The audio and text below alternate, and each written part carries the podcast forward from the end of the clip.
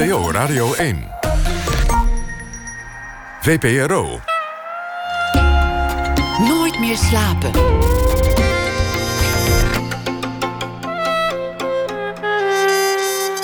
Met Hanneke Groenteman. Goedenavond bij Nooit meer slapen. Ziel of Roeg is een voorstelling met hedendaagse dansenmuziek uit de tijd van het Arabisch Imperium, begeleid door zanger, zang van Karima El Filali. Na ene is zij te gast in de rubriek Open Kaart. En wat inspireert filmmakers? Regisseur Antoinette Beumer vertelt over haar favoriete scène. Dat ook na één uur.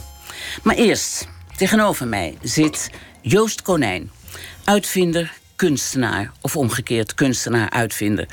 Hij raakte gefascineerd door, door techniek en reizen. Hij experimenteert, verlegt grenzen en vindt uit. Zo bouwde hij een fiets waarop je achteruit kunt rijden. Reisde hij met een op hout gestookte auto naar Tsjernobyl. En ontwierp hij een vliegtuig. Hij ontwierp er meerdere trouwens. Maar gemaakt met onderdelen uit kruiwagens, fietsen en auto's. En vloog daarmee onder andere van Lelystad naar Afrika. Hij deed dit niet allemaal alleen, maar filmde ook alles en meer. Hij schreef erover. Hij is een kunstenaar, maar wat voor een eigenlijk? Eentje die altijd aan het maken is. Dingen maken. Gewoon doen, gewoon gaan, niet bang zijn, is zijn motto. En zijn meest recente kunstwerk is te zien in Museum Boymans van Beuningen. Een film Good evening to the people living in this camp. Goedenavond, Joost. Ja, goedenavond. Um, die film, hè? Ja. 2016, 2017 gedraaid in Calais en Nova Kavala. Twee vluchtelingenkampen in Griekenland. Hoe is dat idee ontstaan? Uh, um, ja, ik weet niet precies hoe het idee ontstaan is eigenlijk. Maar op een gegeven moment dacht ik... Uh, ja, nou, het is ontstaan omdat ik niet meer zo goed wist... hoe ik me toe, uh, toe, die, toe de vluchtelingen moest verhouden, eigenlijk. Ja, dus ik las het in de krant. Vluchtelingen en allerlei drama wat zich uh, voltrok... aan de grenzen van Europa. En, het, het en, en in, de, in, in, Nederland polariseerde tussen allerlei... ja, allerlei standpunten en meningen. En ik wist het eigenlijk gewoon niet. Ja, wat moet ik daar nou van vinden? Ik wist. En toen ben ik in de auto gestapt en uh, naar uh, de jungle in Calais gereden. Want dat is jouw. Uh, dat is dan jouw mechanisme. Ik weet iets niet, dus ik ga er gewoon heen. Ja, ik weet niet of het echt een mechanisme is, maar in, nou, ja, in dit geval heb ik, heb ik dat zo gedaan. Ja. Zonder voorinformatie, zonder uh, contactpersonen daar, zonder te weten hoe die kampen zijn ingericht. Gewoon. Nee, dat, uh, dat, dat wist ik allemaal niet. Nee, ja, inderdaad. Wist je waar ze waren? Nee, ik wist niet precies waar ze waren. Nee, ik ben naar Calais gereden, toen heb ik mijn auto geparkeerd. En dat mijn fiets lag achterin. Toen heb ik eerst een beetje rondgefietst door dat, door dat stadje. En door, over de industrieterrein. Ik dacht, dan kom ik het vanzelf wel tegen. Of dan, maar kwam het niet echt tegen. Maar toen, toen ben ik maar in een hotel gegaan en de volgende dag maar weer op zoek. En toen de volgende dag tegen de avond had ik het gevonden. Was het nog lastig? Of staan er eh, borden of wat? Nee, het, het, was natuurlijk, het is natuurlijk een soort raar niemandsland. Op een soort raar niemandsland plek. Tussen alles in. Er was ook niet echt een weg naartoe. Dus op een gegeven moment langs de snelweg... en tussen het vliegveldje en buiten de stad... en en het strand en bosjes en een soort verlaten gebied. En je was in je eentje? Ja, ik was in mijn eentje, ja. Het was in de winter, in januari. En het was koud en het regende een beetje. Nu twee jaar geleden, neem ja, Ja, was begin 2016, ja. Ja, en je begon in Calais. Ja, ja. ja. En, uh, nou ja, dan, en je, je dacht, ik ga niet met de auto daar, eh, tot, tot aan dat kamp, ik neem een fiets. Ja, met de auto ben je zo opvallend. Ja. Ja, en je, ja. Dus je camera in je rugzakje. Had je je camera Nee, die had ik nog niet bij me. Nee, die had ik nog niet meegenomen. Nee, nee, nee. nee, Dus je, je, je, je komt... Kom je dan bij een uh, receptie? nee, er staan wat van die ME-busjes en wat van die, van die gendarmes. Die, die posten daar. En dan uh, kon je zo naar binnen lopen eigenlijk. Ja. Ze vragen niks. Je- Nee, mag ze vroegen in. niks. Je mocht kon zo naar binnen wandelen. Ik wandelde gewoon straf door, zeg Ja. maar. Je bent Alsof ik daar iedere dag naar binnen liep. Ja, zo is- moet je dan naar binnen lopen. Ja, gewoon vastberaden. niet kijken alsof je het niet kent. Nee. Dus eh, ja, ik kom hier gewoon eh, iets, Ja. iets doen. Ja. En toen? En toen, Dan ben je in een vluchtelingenkamp. ja, ja. Nou ja, ik keek mijn ogen uit. Het was ongelooflijk wat ik allemaal zag. Maar wat ik me. Wat, maar eh, de eerste ontmoeting was. Ik keek een beetje om me heen. En het was al donker inderdaad. En het regende, wat ik al zei. En, en er waren allemaal mannen bezig met timmeren en, eh, en, en plastic en oude hout om iets te maken. Heel primitief om echt alsof ze net uit Afrika kwamen en een beschutting aan timmeren waren om die nacht onder te gaan slapen. En ik stond maar een beetje daarnaast. Een beetje wel en niet contact maken. Maar ze, al, snel vroegen ze: hey, eh, heb je ook eh, spijkers of zo, weet je wel? En ik zei: Nou, nee, nee, nee, heb ik niet, nee, nee. En toen dacht ik: Die staan thuis op een plankje.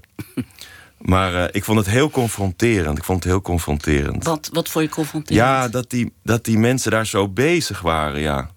En dat ik kwam kijken. En, en dat daar een wereld was die ik helemaal niet kende... en die toch zo dichtbij was. Wat en, bedoel je met confronterend? Ja, dat er een, een parallele wereld is... waar, waar we, ja, die, we, die we niet kennen, alleen uit de krant... waar we onze ogen een beetje voor dicht doen... waar we gewoon niet weten wat we ermee moeten. Waar de wereld niet weet wat ze ermee moet. En dat je daar in één keer middenin staat. En het was, het was een van de weinige momenten in mijn leven... dat ik me opnieuw moest eh, kijken... Normaal vind ik overal altijd wel wat van. En denk ik, nou, en daarmee geef je het ook een plek. Hè? En daarmee kun je zo... eh, dat maakt het leven wel, eh, hè, wel leefbaar. Maar op het moment dat je dat even niet, helemaal niet meer weet... wat je nou ergens van vindt... ik moest me even zelf opnieuw, helemaal opnieuw uitvinden. En je had ook niet het gevoel van... oh god, die arme mensen en die komen van ver... en die scharrelen hier maar rond. En dat was het ook niet. Ja, dat is het allemaal. Dat is, al die dingen is het eigenlijk. Maar je wil ook geen medelijden met mensen of, of, of, of weet je... Nee, Nee, dat, want daarmee- wie, wie je- ben je helemaal om medelijden te hebben? Ja, de- dus dat alles is ingewikkeld. Vond ik ingewikkeld. Ik moest mezelf herijken aan wat ik zag. En dat vond ik ontzettend interessant eigenlijk. Was dat, want je geeft nu al een beetje een metabeeld... maar was dat Ja. meteen die eerste... Ja, was gelijk eigenlijk. Ja, was Ja? gelijk, ja. Ja, Want er waren mensen aan het timmeren, Ja. aan het hutjes bouwen. Ja. Ik probeer het me voor te stellen. ja. In de regen, in het donker. Mhm. En wat deed jij toen? Spijkers had je al niet voor nee, ze? ik liep maar wel? weer een beetje door. En eh, ik stond een beetje onnozel te kijken. Misschien als een kind of zo die iets ziet. Ja, weet- ja. En, eh, en ja, ik wist natuurlijk ook niet of ik bang moest zijn of zo. Of dat het gevaarlijk was. Ik had wel mijn portemonnee niet zoveel geld erin. En diep in mijn binnenzak gestoken. En niks bij me verder. Wat me afgenomen zou kunnen worden. Ik wist bij God niet waar ik in terecht zou komen. En al die zwarte mannen, weet je wel. Was iedereen zwart? Ja, iedereen was wel zwart. Want ze kwamen uit? Ja, de meeste kwamen uit eh, Afrika of Afghanistan, Soudaan, eh, Pakistan. Daar kwamen ze vandaan. Ja, Het was nacht. ja, Ik ben nog steeds bij die eerste eh, Ja. entree. ja. Heb je de nacht daar doorgebracht? Nee, ik ben er nee, want ik, vond, ik wist ik wist helemaal niet. Ik ben op een gegeven moment weer eruit gegaan. Ja. ja, ja. Even bijkomen in je auto. Ja, ja. Had je een hotel in de buurt? Ik had een hotel in de buurt geboekt, ja. Ja. ja, ja. Ook al confronterend, hè? Dat Ja. je dan naar je hotel terug ja. gaat, toch? Ja, niet? ja. Ja. Volgende dag er weer heen? Ja, volgende dag er weer naartoe. En En, eh, ja, de hele dag daar rondgekeken. En, eh, en eh, ja, ja, wat zoveel te zien, hè. Ja, ja. Wat was nu overal het beeld wat je daar die eerste dagen hebt opgedaan?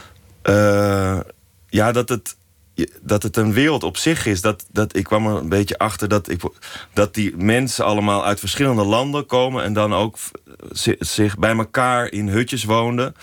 Eh, eh, dus gegroepeerd zijn in de landen waar ze vandaan komen. Dus dat daar weer een soort kleine, kleine wereldbol is...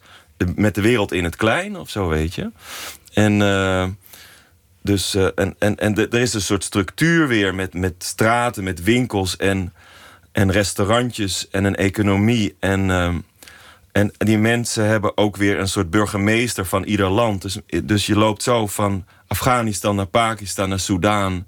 Zo loop je daar rond, ja. En in die restaurantjes. Little Italy, maar dan... eh, Ja, en en kunnen die mensen het allemaal goed met elkaar vinden dan? Eh, nee, nee, ja, dat duurde natuurlijk best wel lang voordat ik er allemaal achter was. Nee, er zijn ook allerlei. Nee, dus op zich wel hebben ze een soort gezonde afstand tot elkaar, maar op het, tot het moment dat de helft van dat kamp daar ontruimd werd en dat de ene helft bij de andere helft kwam, toen brak wel de oorlog uit, ja.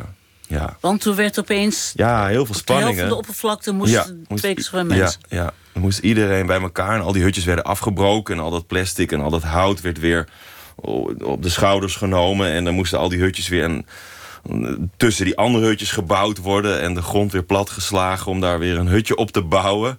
En, en eh, ja, op een gegeven moment, om het minste, om, ik geloof omdat iemand voordrong in een rij waar eten werd uitgedeeld, ontstond, ontstond de vechtpartij. En voordat je het wist, dook iedereen op elkaar en, en duurde dat, brak er een oorlog uit van tien uur lang, waar op een gegeven moment gewoon de 150 van die hutjes afbranden en weet ik veel wat. En allemaal dat soort dingen gebeuren dan. Ja. Is er een soort leiding in dat eh, kamp? Ja, er is ook wel, er zijn ook er is wel een soort leiding. Ja, er zijn ook wel weer onderhandelingen tussen de verschillende hoofden van die, van die eh, eh, mensen die daar zitten, die dan, ja, die dan ook weer vrede sluiten en zo. Dat is allemaal aan de gang. Ja, We hebben het nu nog steeds over Calais. ja Calais, ja. Ja. Ja, ja, ja. Ehm, eh, eh, je bent ook in Griekenland geweest, Ja. want uiteindelijk gaan we.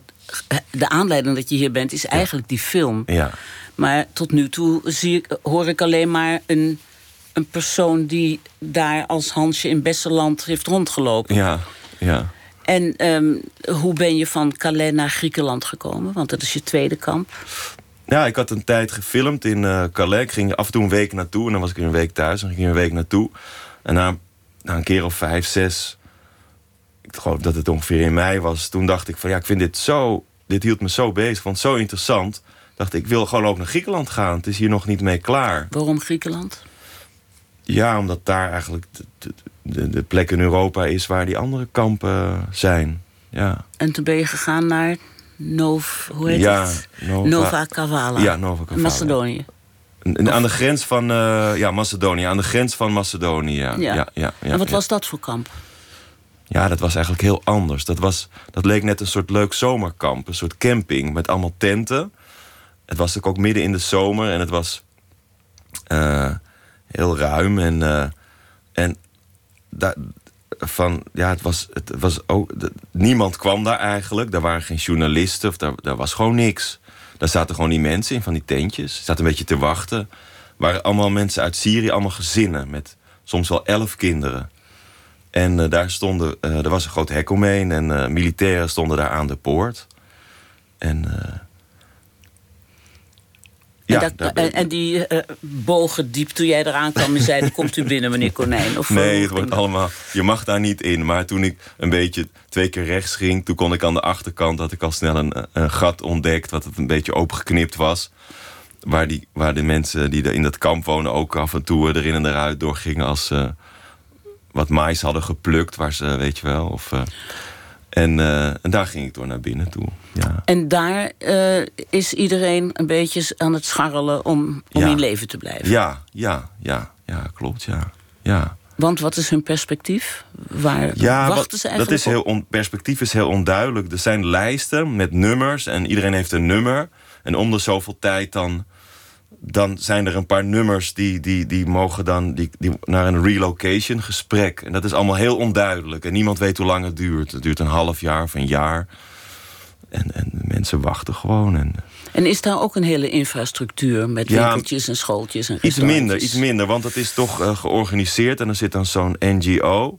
Maar ja, de, ehm, Zo'n niet-gouvernementele organisatie. ja, ja, ja, ja, ja, ja. Dus dat is iets. eh, Hebben ze daar, doen de kinderen daar iets? Gaan ze naar school? Is er... nou, niet echt, een beetje, maar er is niet, zo, er is niet zoveel. Het is dus Nee. eigenlijk ook een heel groot niemandsland. Ja, ja, dat is ook zo. Wat ja. is het verschil tussen Calais en Ja, Griekenland? Calais was echt een soort hoge drukpan... Waar die steeds, omdat de gemeente steeds daar een stuk ontruimde... dat die mensen steeds dichter op elkaar... het is echt zo'n bottleneck...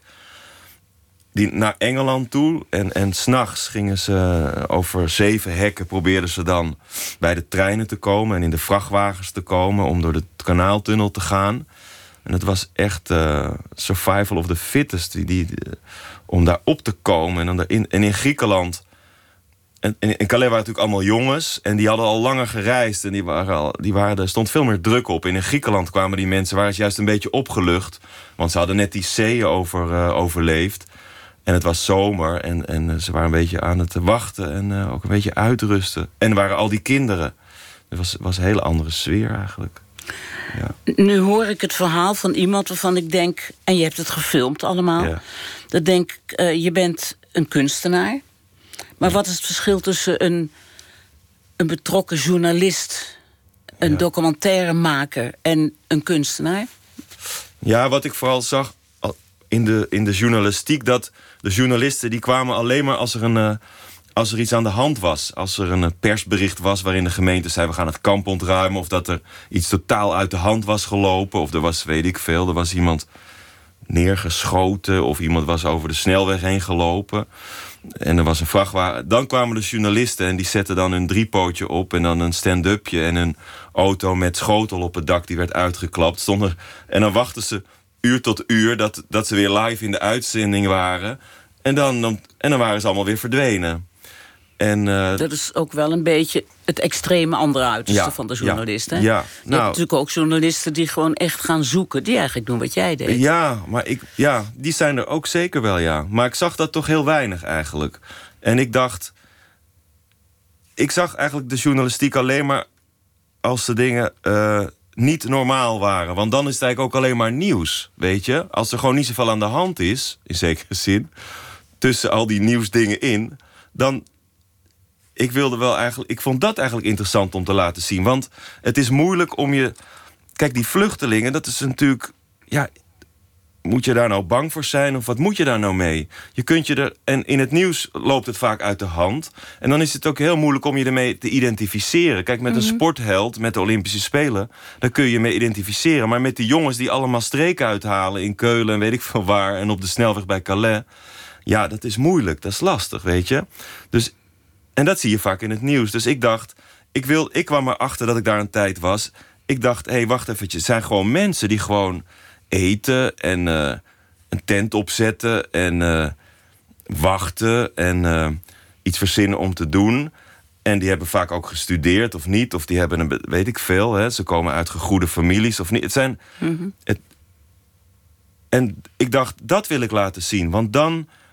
Kijk, ik, wil me de, ik wilde me ermee verbinden. Omdat ik dan dacht van. Dan kan ik het misschien begrijpen. Dan kan ik me ermee identificeren.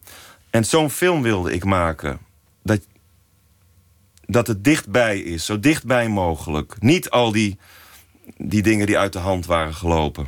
Het is ook ongelooflijk dat je film begint met een scène... en die zet je eigenlijk precies op dat wat jij wil. Een man die, een hele goede kapper, zo te zien... die gewoon van een andere man de baard aan het knippen is... en zijn haar, en helemaal precies zoals een kapper dat ook hoort te doen. Ja. Dat je denkt, ja, het zijn vluchtelingen... maar het is gewoon ook een hele goede kapper, volgens Ja, mij. ja. En je ziet een stel meiden ongelooflijk de slappe lach hebben... omdat ze met hun lange jurken en hun hoofddoeken aan het Ja. voetballen zijn. En je ziet een heel, ja, niet een gewoon leven, maar wel gewoon een leven. Ja. Ja. Maar de vraag is, wat is, heb jij een antwoord gevonden op de vragen waarmee je erheen ging? Nou, ja, nou mijn, mijn antwoord is een beetje dat, dat je heel snel geneigd bent om een, eh, om een standpunt in te nemen. Om, om er iets van te vinden. Om, alsof dat dan een soort oplossing is. Nou, ik vind er iets van en dan kan ik het daar parkeren. En ik kwam er eigenlijk achter dat ik dat antwoord ook helemaal niet heb. Of dat het antwoord er misschien helemaal niet is. Hè? Maar mijn antwoord voor mezelf is dat ik gewoon gefascineerd erdoor... of op het moment dat ik me een antwoord probeerde te zoeken... dat ik er geïnteresseerd in raakte en dat ik er verbonden mee raakte... en dat er een wereld voor me opende. En dat ik de verhalen hoorde van die mensen, waar ze vandaan kwamen. Dat ik me in die landen ging verdiepen. Als die voorbij kwamen in kranten of weet ik veel. En, en dat, dat is eigenlijk voor mij een beetje het antwoord. Of het, of het, dat iets ergens van vinden niet interessant is, maar wel iets proberen te zoeken. En iets proberen te vinden maar niet iets vinden. Ja. Ja, ik snap het. Want Zoiets. eigenlijk is dat ook de sfeer van je films natuurlijk. Ja. Hè? Je hebt een heleboel films gemaakt. Ja. Maar die film is eigenlijk ook een soort impressie zonder een verhaallijn. Mhm. Zonder een begin en een eind. Ja, het zit wel een begin en een eind aan. Maar eigenlijk is het, slaat de meter nooit heel hard uit. Je kijkt met jou mee en je zoekt eigenlijk ook met jou mee. Mhm. Is, dat jou, is dat het kunstwerk wat er dan van gemaakt is? Ja, ja, wat ik zei. Ik wilde gewoon. eh, voor mij is het het kunstwerk dat ik. Er zijn zoveel clichés of eh, ideeën over die vluchtelingen. Ik zou. Ik, het zou geslaagd zijn als in ieder beeld een cliché sneuvelde. Dat die voetballende vrouwen die je net zei. Het waren van die vrouwen in van die jurken tot. Tot, eh, hoe noem je het? Tot, tot over hun enkels. En die waren aan het voetballen in hoog gras. En die struikelden de hele tijd over hun eigen jurken.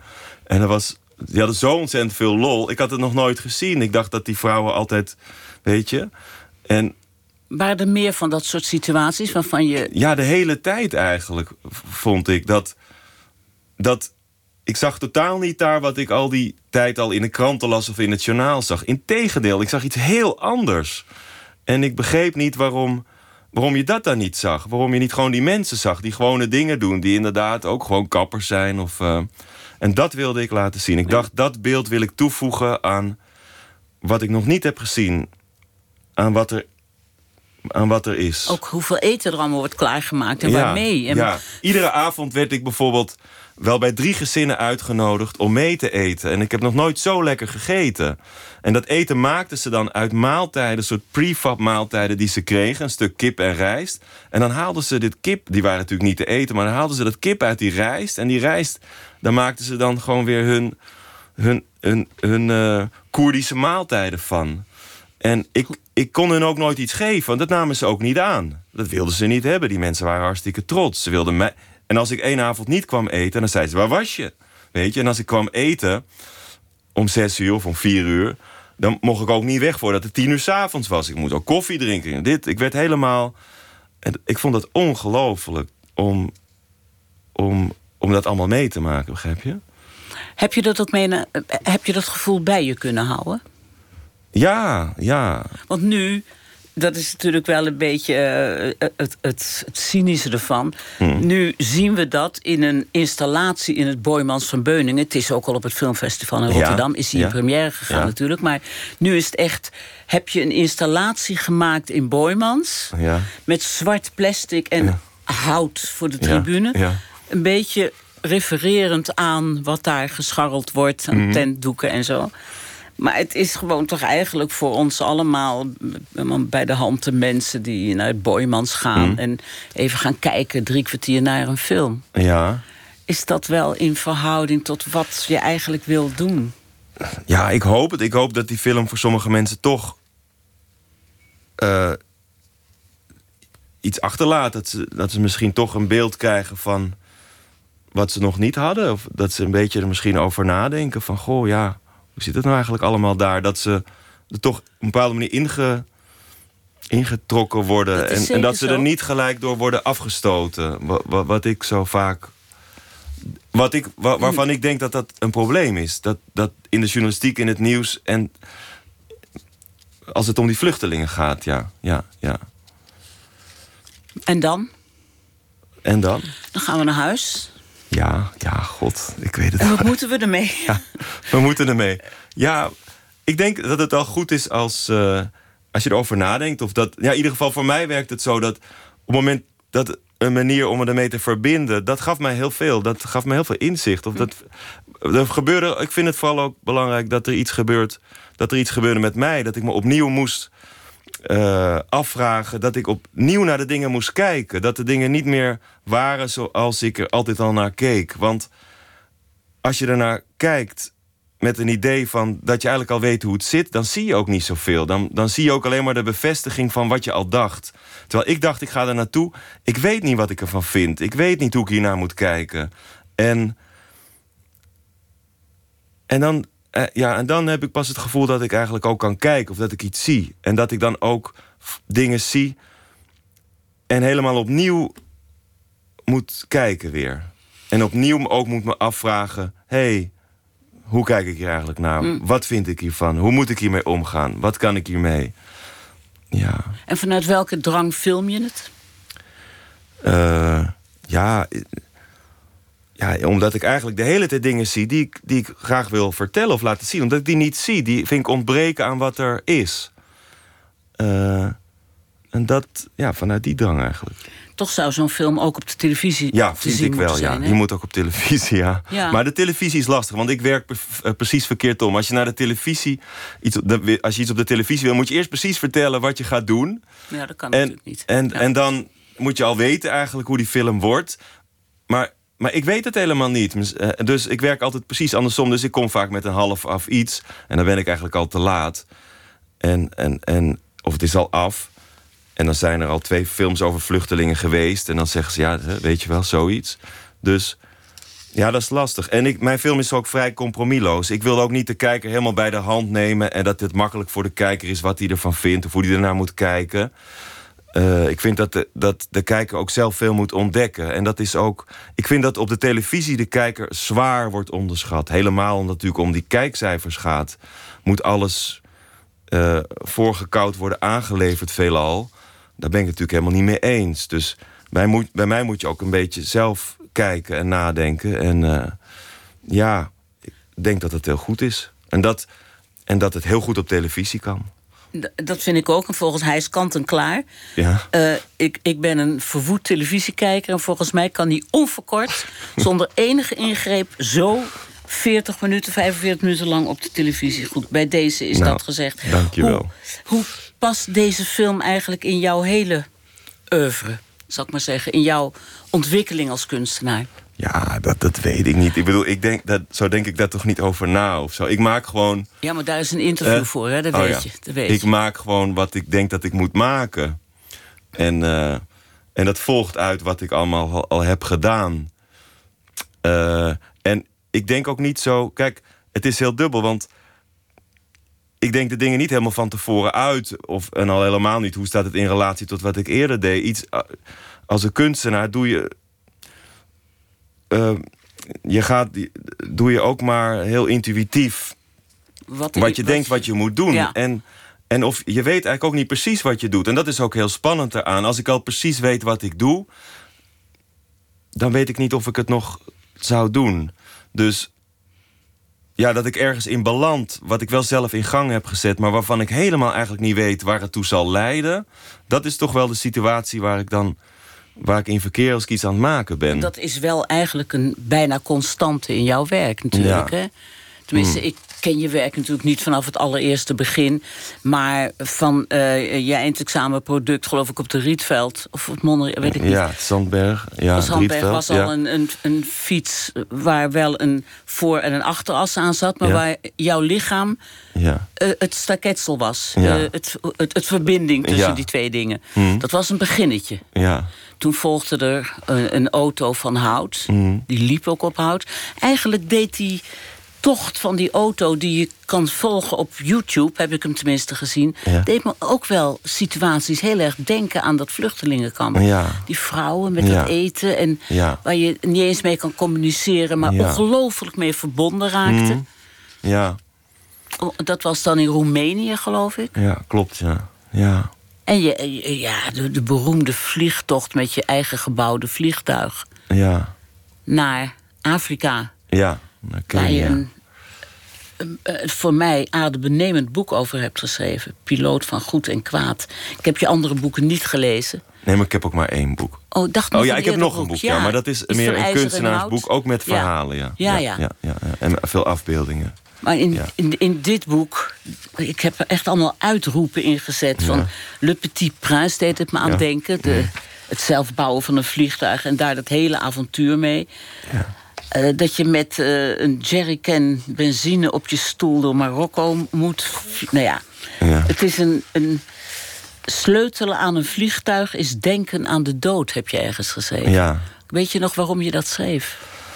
ja, omdat alles wat je aan een vliegtuig... Dat vliegtuig heb ik zelf gebouwd. En Met wat voor motor zat er er eigenlijk zat een Subaru automotor in. Van een Subaru. Ja, ja. ja, En, en bij een vliegtuig de, eh, moet alles, alles moet kloppen, alles moet goed zijn. Want als je één, één dingetje vergeet, dan, dan heeft dat fatale gevolgen. Dus de, focus bij het maken van een vliegtuig... die moet wel 200% zijn, want anders moet je het bekopen met de dood. Dus wat het sleutelen aan een vliegtuig is denken aan... Ja, de- je denkt dus altijd, als ik dit lasje niet goed leg... of als ik die bout vergeet, dan, dan kan dat de dood tot gevolg hebben.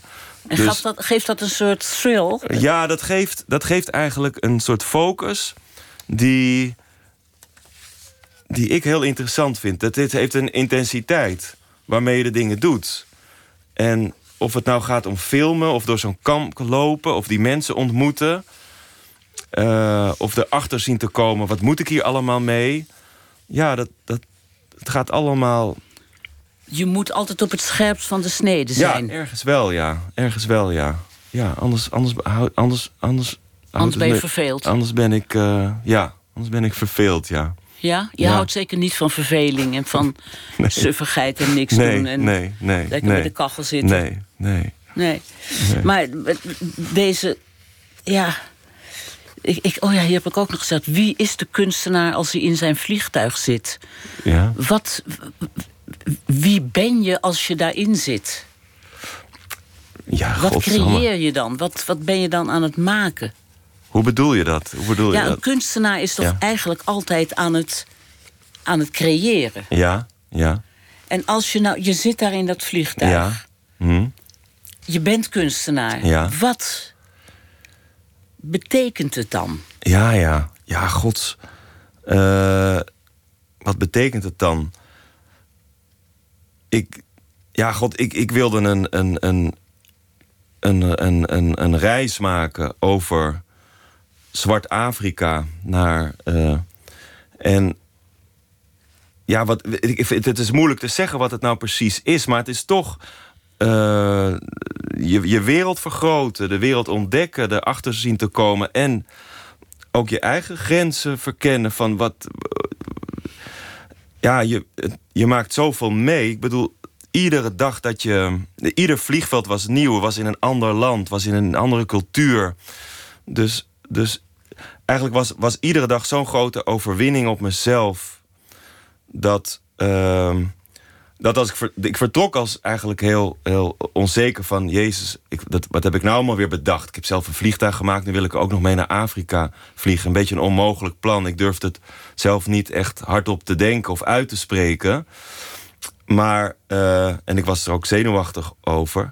Maar naarmate die tocht vorderde en ik in meer gevaarlijke gebieden kwam... of allerlei dingen meemaakte, hoe op een gegeven moment was ik ook in de eh, Centraal-Afrikaanse Republiek. Waar, en landde ik tussen de soldaten. En eh, ik gaf ooit een lezing bij Defensie, hadden ze me uitgenodigd om daar eens over te vertellen over die reis. En toen zeiden die piloten: van hoe durft hij daar ooit te landen? Wij hebben er ook geland, maar we waren doodsbenauwd tussen die, tussen die soldaten daar in Afrika. Maar ik zei: ja, hoe verder ik kwam in Afrika, hoe meer zelfvertrouwen ik kreeg. Op een gegeven moment was ik helemaal niet meer bang. Nee, dus ja, misschien deed ik het daarom. Om, eh, Je schrijft ook ergens, ik reis on- onwetend. ja, Niks van tevoren getest, alleen de bagage heb ik gewogen. Dat is het enige waar ik eigenlijk zekerheid over wil hebben... want die mocht niet te zwaar zijn. ja, ja, ja. Maar onwetend reizen is eigenlijk wel jouw... eh, Ja, ik denk als je alles. in Van- het- eh, ook als metafoor, hè? Ja, ja, ja als, als je te, te veel wil weten van tevoren, zijn er ook veel dingen waarom je het niet zou doen. Ja, Of, eh, ja. en, en de dingen. Je kan de dingen vaak ook niet. Je kan het ook vaak niet helemaal bevatten. Dus ja, in zekere zin reis je onwetend. Ja. Ik wil straks even met je doorpraten over Ja. onwetend reizen en het begin van alles. Maar ik wil eerst even, even een stukje muziek ehm, van eh Sasha Sloan. En ehm, dat is een Amerikaanse singer-songwriter. En eh, onlangs bracht ze twee nieuwe nummers uit. En dit is haar meest persoonlijke liedje. En het heet Vol.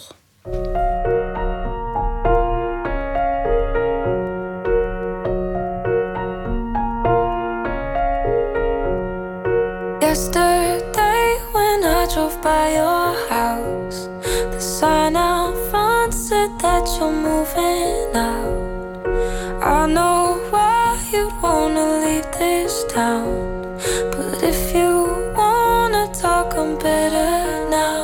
I'm ready to fall in love again. I'm ready to call you up again. I'm ready to talk friend. I'm ready to fall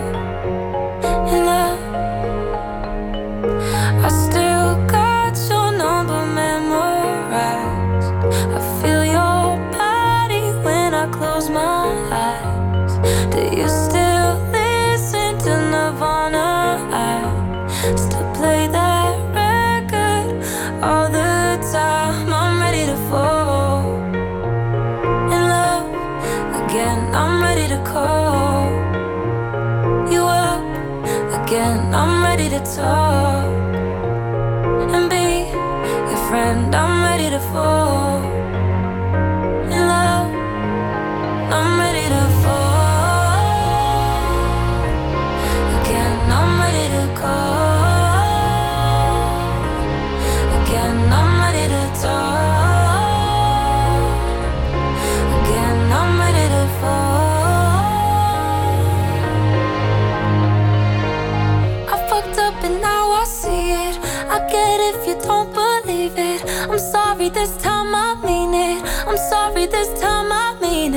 I fucked up and now I see it. I get it if you don't believe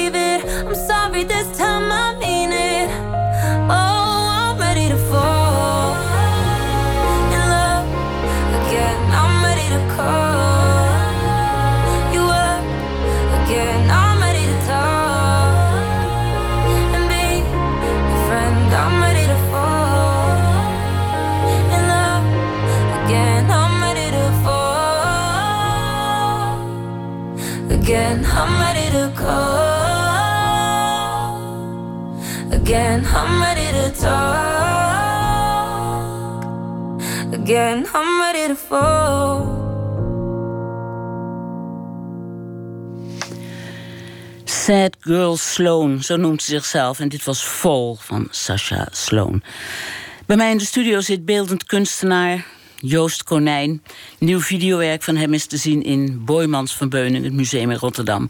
Good evening to the people living in the camp. En dat is een regel die komt voor. Die wordt door een megafoon geroepen. Hè? Door iemand die zegt: Ik heb ook een rode zwembroek gevonden of zo. Goedenavond naar iedereen die hier in dit kamp woont. En het is. eh, ja, de film gaat over is een mengeling van een door elkaar heen gesneden vlucht, twee vluchtelingenkampen. Calais, beroemde vluchtelingenkamp van Calais, en eentje in Griekenland.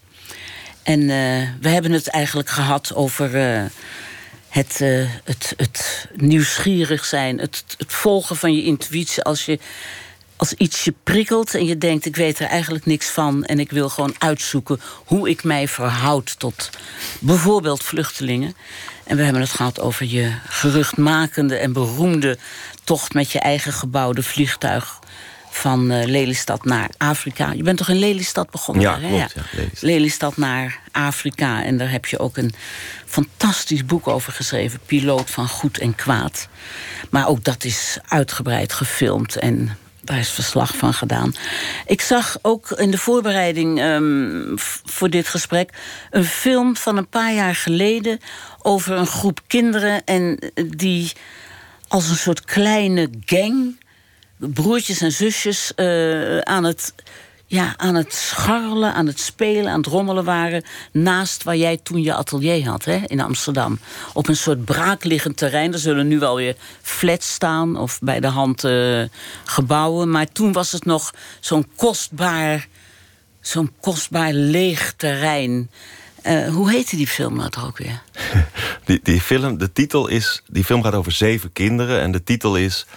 Eh, de namen van de zeven kinderen. Dus dat is eh Sadika, Veerdaus, Abdallah, Sulaiman, Mustafa, eh Soekifel en Hawa. Waren het Nederlandse Roma-kinderen of zo? Of Nee, het was, een, het was gewoon een Nederlandse familie eigenlijk. Maar ze waren bekeerd tot, tot, de, tot de islam. Ah. Oh, ja. De vader en de moeder. En de moeder. De moeder is overleden. Ja, moeder was overleden, ja. Vader heb ik in de film ook niet gezien. Nee, nee. Maar- Eén keer. Er zit één beeld van de vader in de film. Oh ja. Ja, ja, ja. Maar jij hebt eigenlijk gedaan wat je ook in die vluchtelingenkampen hebt gedaan. Hmm. Je hebt gewoon. Je komt er zelf ook af en toe als stem in voor. Ja. Maar je hebt gewoon in volledig onvoorbereid en nieuwsgierig heb je die kinderen gefilmd. ja. Hoe, wat dreef je daartoe? Wa- waarom? Ja, ik, ik, die kinderen, dat waren mijn buurkinderen. En, en ik woonde toen op het ADM-terrein, een gekraakte haven. En die kinderen wonen daar een klein beetje buiten in caravans. En op een gegeven moment gingen die kinderen ook niet meer naar school toe. Dus die kinderen leefden dus een beetje los van de wereld. En die, en die gingen de hele dag hun eigen gang. Die, die, die, die ontdekten een beetje de omgeving. En die, die, die, die, die, die liepen door, door, door de sloot. En de- die sprongen van een berg. Ze maakten dingen. En ze maakten dingen en ze maakten dingen kapot. En eh, ze stoken vuur en ze staken vuur en weet ik wat allemaal.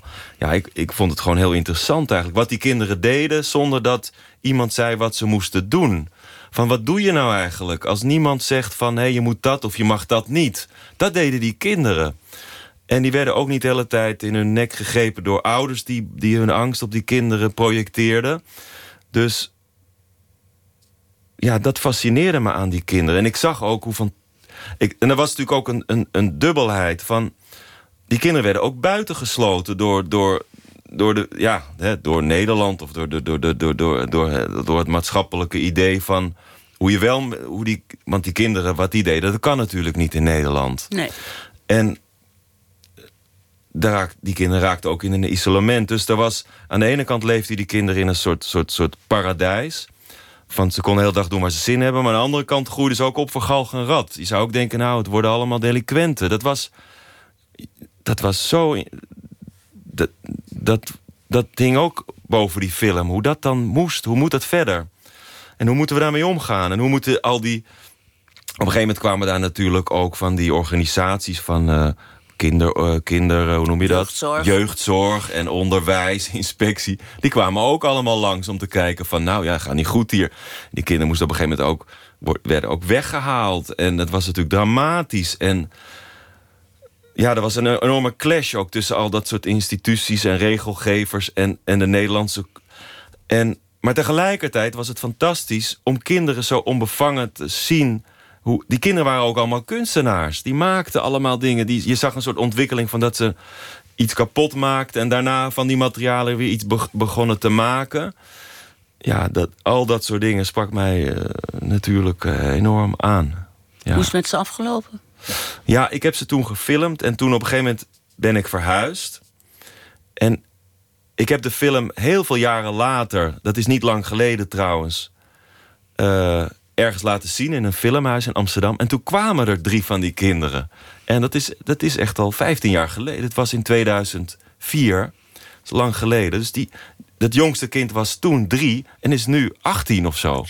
En ineens stonden ze daar. Het was ongelooflijk. Ja. En hoe is het met ze gegaan? Ja, goed. Ze zeiden, we hebben alles gedaan wat God verboden heeft. Maar nu zijn we...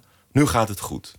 Nu, nu we hebben nu een eigen bedrijfje. En we hebben een eigen dit en we hebben een eigen dat. Ja, ik ongelooflijk. dacht, dat gaat nooit goed als je Nee. deze Ja. bijna wilde kinderen... Ja. Ja. Wat, wat mij natuurlijk aansprak, in, alles sprak me aan in die film trouwens Mm. ook weer. Maar is dat ik eigenlijk dacht, als ik zo jou een beetje beschouw. Dan denk ik, jij bent ook eigenlijk zo'n jongetje geweest. Of Mm. je bent nog steeds eigenlijk zo.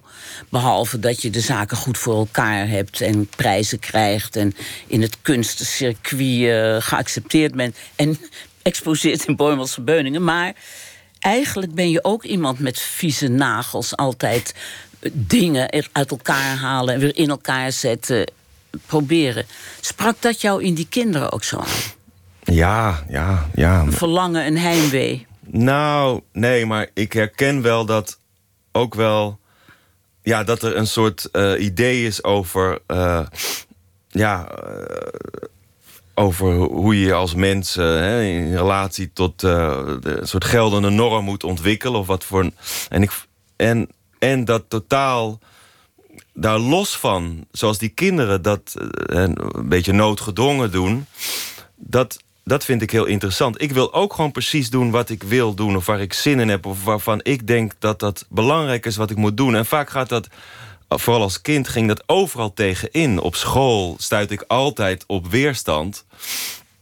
En omdat ik dacht, nee, ik wil het anders doen. Ik wil het zelf doen. Ik wil het op mijn eigen manier doen. Ik wil mijn eigen eh, vrijheid bevechten. Of, of weet ik veel. Ik wil het om, en, dus dat herkende ik heel, heel erg in eigenlijk. En En hoe heeft jeugdzorg jou ooit in het gereel gekregen?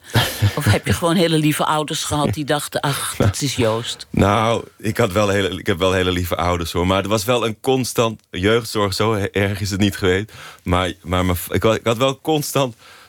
Je moet je voorstellen, mijn vader die vond het wel ingewikkeld. Ja, want toen ik jong was, toen ik geloof ik 12 was, had ik al 23 fietsen in de achtertuin geparkeerd. Omdat ik dacht dat ik er wel een paar.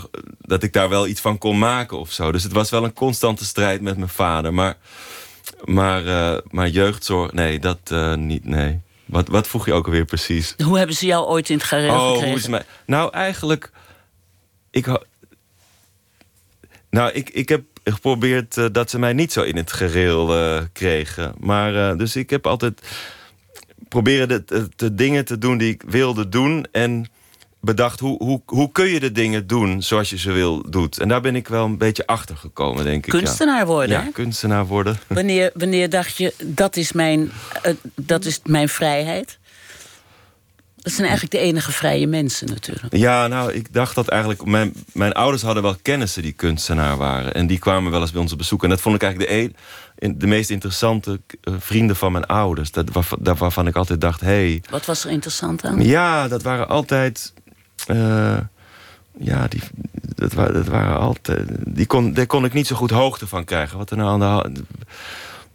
Inderdaad, wat je zegt. Die, die mensen die... eh, die deden op een bepaalde manier eh, waar ze zin in hadden. Of die, die bewandelden een eigen weg, laat ik het zo zeggen. En ja, dat vond ik. En ik ben. Ik, voor mij was het heel vanzelfsprekend dat ik naar de kunstacademie ging. Want dat was eindelijk na de middelbare school een beetje verlost zijn van. eh, eh, ja, van die heftige structuren waarin- je van alles moet. Dingen die Ja. je ook helemaal niet vond dat je ze nodig had. Nou, ik vond, ik vond wel dat ik ze nodig had. Maar eh, ik dacht, op de kunstacademie kan ik vast weer precies doen... waar ik zelf wat ik wil doen. Wat, wat ik denk dat interessant is of belangrijk is. Onderzoeken. Ja, ja, ja. Wat voor gezin kwam je eigenlijk uit? Ja, jezus. Nou ja, dat is toch niet zo'n moeilijke vraag. Of is zo te lang geleden? Nee, Hoe oud ben je eigenlijk? 46. Mijn, mijn, mijn, mijn moeder, die... eh, mijn moeder, eh, die, eh, die heeft... Die, mijn ouders zijn alle, hebben allebei psycholo- psycholo- psychologie gestudeerd. En mijn moeder heeft ook nog medicijnen gestudeerd. Maar niet afgemaakt. En wij, ik ben in Amsterdam opgegroeid en, op, en we zijn naar Brabant verhuisd. Want ik geloof dat mijn ouders niet ons in de... Ik heb nog een broer en een zus in de stad wilden laten opgroeien. Dus ik werd uit Amsterdam een beetje weggerukt. En toen gingen we naar Brabant toe. Wat heel anders was. En, en toen later verhuisden we ook weer naar Tilburg. En Eindhoven. En eh, ja, ja. En je had een jongere broer. ja Die en toch een zus. En Ja, zus, maar die ja. broer is toch ook filmmaker Ja, geworden? ja die, heeft ook, die heeft ook filmacademie gedaan. Filmacademie. En die had nog een eindexamenproject gemaakt... Waarin hij toch wel afrekent met het acht jaar jonger zijn... van een Mm, behoorlijk dominante broer. Ja, ja, ja. Dat was een hele aangrijpende film. Ja, ja, ja. ja. Omdat je zo zijn bewondering voor jou ziet... zijn hunkering Ah, naar jou en jij die iets heeft van... ja jongens, zoek het lekker uit. ja, ja. Ja, wat moet ik erover zeggen? Ja, Ja. Huh? dat jij een behoorlijk zelfverzekerd eh, eh, baasje was. Ja, ja. Ja, mijn broer die, ja, die moest zich ook een plek natuurlijk... eh, In het konijnenhol. ja. in het konijnenhok veroveren. Maar dat was Joost En dat deed hij door zich op een gegeven moment flink tegen mij af te zetten. Ja, dat is natuurlijk eigenlijk... Ja, Ja. zo heeft dat moeten Zo gebeuren. hoort dat ook natuurlijk. Is het goed gekomen tussen jullie? Ja, op zich wel, op zich wel. Nou, ja, ja. Maar goed, jij bent natuurlijk ook een super individualist, hè? Mm, ik weet het niet. Ja, misschien. Ik bedoel, al- ja. als, je, als je doet wat jij doet, Mm, mm. kan je daar eigenlijk bijna niemand bij hebben, denk ik. Wie, wie kan jou nou bijbenen? Ja, god, dat soort dingen weet ik allemaal niet hoor. Nee? Nee, nee. Is, is er een gezin waar ze allemaal s'avonds eh om de stampot zitten en zeggen: Papa, snij jij het vlees? Je bedoelt of ik een gezin heb? Ja? Nee, nee, ik heb geen gezin, nee. Zou, zou dat kunnen? Nou, ik, ik denk het wel. Ik weet het niet. Ja, ja. Hm. Mm. Het lijkt mij, ja, als, eh, als ik zo. dat jij zo ongelooflijk veel je handen vol hebt aan jezelf. Mm. Dat er eigenlijk. Nou, dat is niet bemoedigend natuurlijk. Nee? Nee? Nee, nee, ik weet niet. Nou, ik weet het, weet ik veel. Dat weet ik allemaal niet, joh. Ja. Nee, dat weet je Nee, allemaal niet. Eh, je hebt nu, ehm, nu, nu loopt die film, hè? Ja, die, die is in de wereld nu. Ja, ja. En die moet verder de wereld Mm, in. Hè? Dat is ons eh, gezamenlijke streven nu. Oké. Die film moet gewoon door nog veel meer mensen gezien worden dan in Boymans van Beuningen. Ja.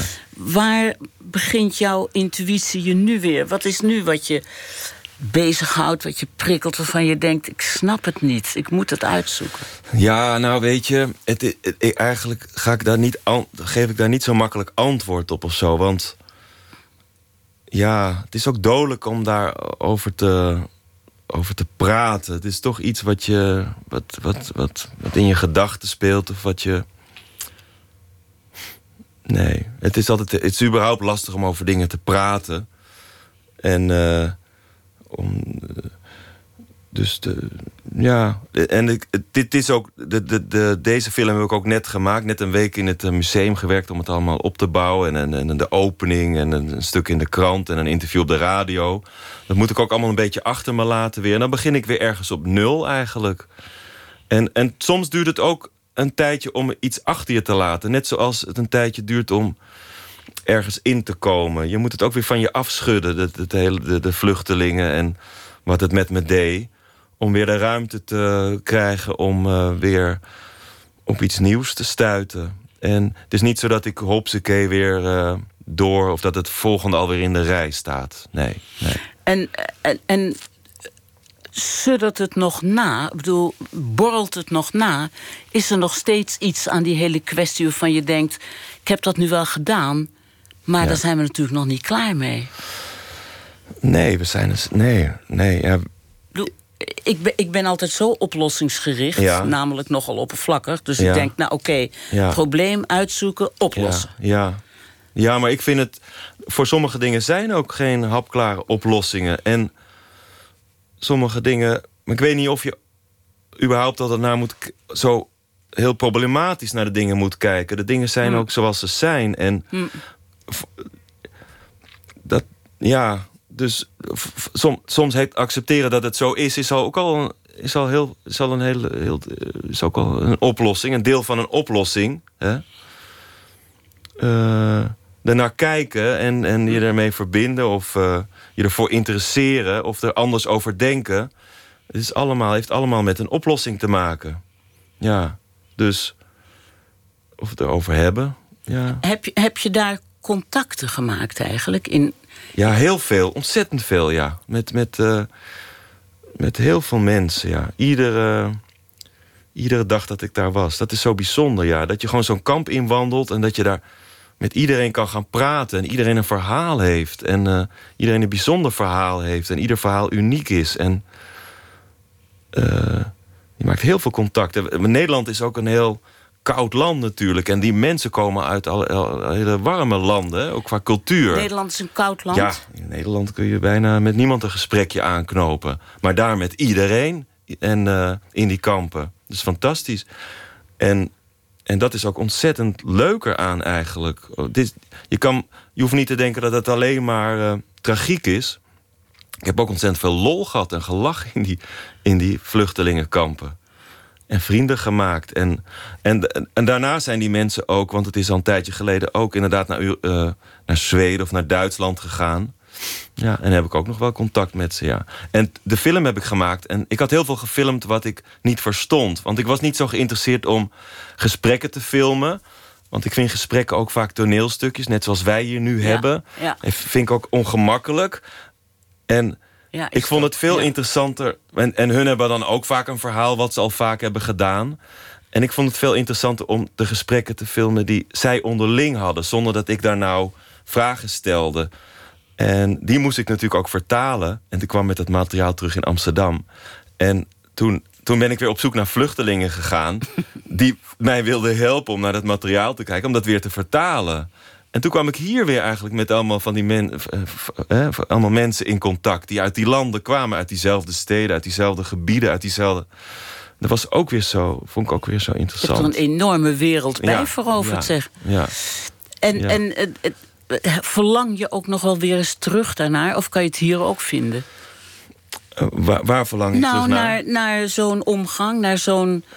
Je zegt Nederland is nou, wat- koud land, daar is het ja, warm. Nou ja, eh, je- ik, neem het, ik neem het dan mee naar hier. Ik bedoel, kijk, het, het, voor mij komt het ook voort uit... Ik heb heel veel gereisd in, in heel veel landen en culturen. Ik vind, ik vind buitenlanders, zoals we vaak noemen of zo... vind ik veel interessanter dan Nederlanders. Ik, ben, ik, ik zwaai altijd naar alle Marokkanen, omdat die altijd terugzwaaien.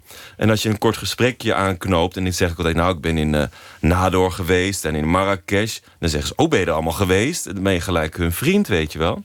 Dus dat, dat, dat zo bevooroordeeld kijken en dat zo kijken van... oh, ik ken die mensen niet, ik, ik ben er een beetje bang voor. Dat begrijp ik allemaal wel.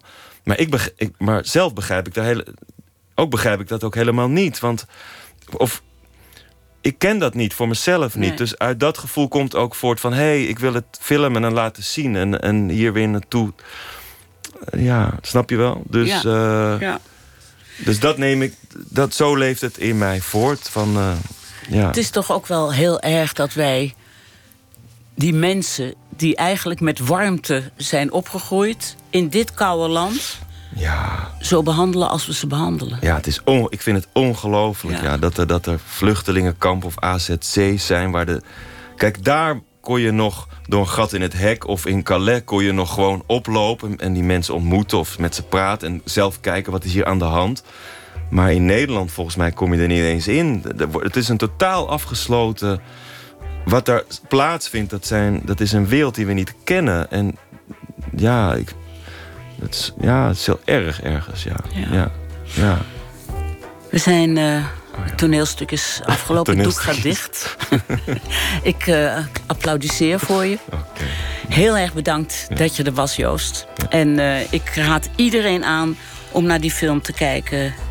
Nou ja, voorlopig, jij, jij ook bedankt. voorlopig in Ja. Boymans van Ja. Beuningen. En ik hoop dat het verder verbreid Ja. wordt. Het is een prachtige film. Ja. Dank je wel. Ja, jij ook En bedankt. tot ziens.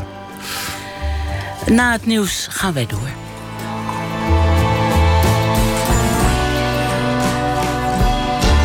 Op Radio 1. Het nieuws van alle kanten.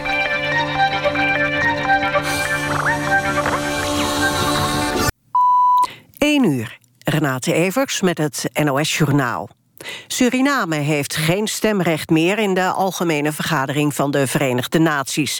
Het land heeft al lange tijd zijn contributie niet betaald. De regering van president Bouterse heeft te maken met een ernstige economische crisis.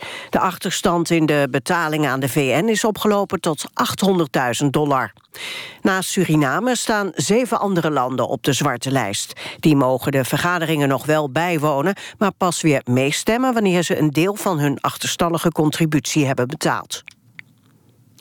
De Israëlische politie vindt dat premier Netanyahu moet worden vervolgd voor twee corruptiezaken. Er is volgens de politie genoeg bewijs.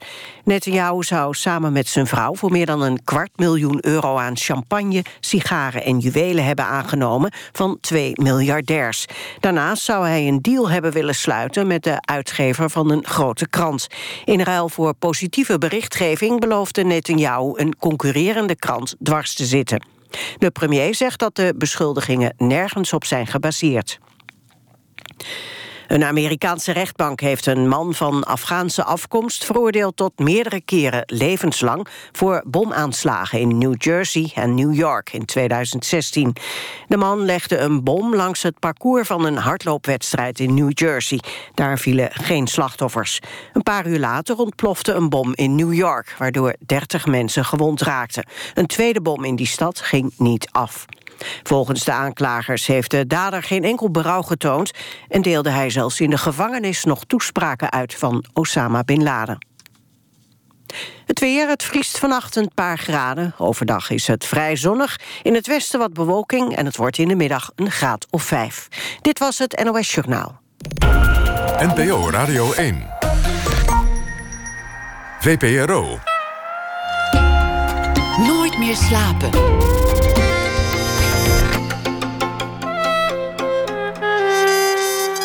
Met Hanneke Groenteman. En welkom terug voor het tweede uur van Nooit meer slapen. Ziel of Roe is een voorstelling met hedendaagse dans en muziek uit de tijd van het Arabisch Imperium. Met zang van Karima El Filali. En zij is straks de gast in onze rubriek Open Kaart. En later dit uur vertelt regisseur Antoinette Beumer over een filmscène die op haar een onvergetelijke indruk heeft gemaakt. Maar we beginnen met proza dat reageert op het nieuws van de voorbije dag. Deze week verzorgd door Henk van Straten, schrijver, columnist en journalist. Hij schreef onder meer de roman Bidden en Vallen en het autobiografische Wij zeggen hier niet halfbroer. Binnenkort verschijnen zijn memoires over de periode na zijn scheiding, gebundeld in het boek Berichten uit het Tussenhuisje. Goedenacht Henk. Hey Hanneke, hallo. Hoe is het met je? ja, goed. nou goed, het was al wel, uh, het, het, was gewoon. Het, het, ging, het ging gewoon met me, maar nu hoorde ik dat jij, uh, dat jij vannacht presenteert. Dus nu gaat het ineens uh, een stuk beter nog. Oh, nou, dankjewel voor het compliment. Zeg, um, wat had je voor dag? Eventjes gewoon in het algemeen. Heb je de... ik, had, uh, ik, had, ik had een goede dag, een drukke dag. Ik heb veel gedaan. Ik had mijn, mijn zoontjes en ik heb veel mailtjes beantwoord. Maar ook door het mooie, door het mooie weer ineens kreeg ik lentekriebels. Dus ik ben ook tuinaarden gaan kopen en, en kalkkorrels. En ik ben, uh, ik ben al een beetje aan de tuin begonnen. Dus dat, um, dat voelde goed. Want ik las eigenlijk in de stukjes die ik ongeveer dagelijks van jou in mijn mailbox krijg. Ja. Tot mijn grote genoegen. Dat je nogal... Uh, nogal brak uit het carnaval was gekomen? Dat je als, als hagedis, ja. als hagedis vermomd dacht dat je Halbe Zijlstra was tegengekomen? Ja, dat was het stukje van, van wat ik gisteren ook voordroeg tijdens de uitzending. Maar dat, ja, dat was wel een leugen van begin tot eind. Ik, heb in, um, ik, ik, ik, zag zo'n mooi beeld voor me van, van, van Halbe Zijlstra en Willem Vermeend... Die, die daar dan in de kroeg stonden en die, die alles ontkenden... zoals ze natuurlijk dat ook in het echt doen. En ik vond die kroeg zo'n mooie setting daarvoor. En toen heb ik dat carnaval er maar bij verzonnen... want ik heb het dit jaar helemaal niet, niet, niet gevierd ik heb, ik heb hard gewerkt, ik had deadlines. En ik was dus hartstikke fit. Gewoon, oh. eigenlijk. Ik had, het, ik, had, ik had het gisteravond niet gehoord, dus uh, ik dacht dat het allemaal echt waar was. Nee, nee, nee. En ik heb oh. ook helaas geen, geen pak, geen, geen Oscar de Hagedis pak. Oh. Was, het, was het maar waar. Ik voel me een enorme sukkel opeens. Luister eens, Sorry. Uh, wek mij eens op met je beschouwing van deze dag in columnvorm. Ja, ja, ga ik doen. Komt-ie. In december ontsnapte koe Hermine en haar zus uit de vrachtwagen op weg naar het slachthuis. Hermines zus werd direct gevangen. Hermine vluchtte het bos in. Misschien hoorde Hermine hoe verderop haar zus naar haar loeide. Ik ben gevangen, ren zusje, ren, kijk niet om en ren. De eerste nacht viel. Het koude donker, zwarte schimmen van de bomen als entiteiten, het ademen van de nacht en aan alle kanten de intimiderende vrijheid.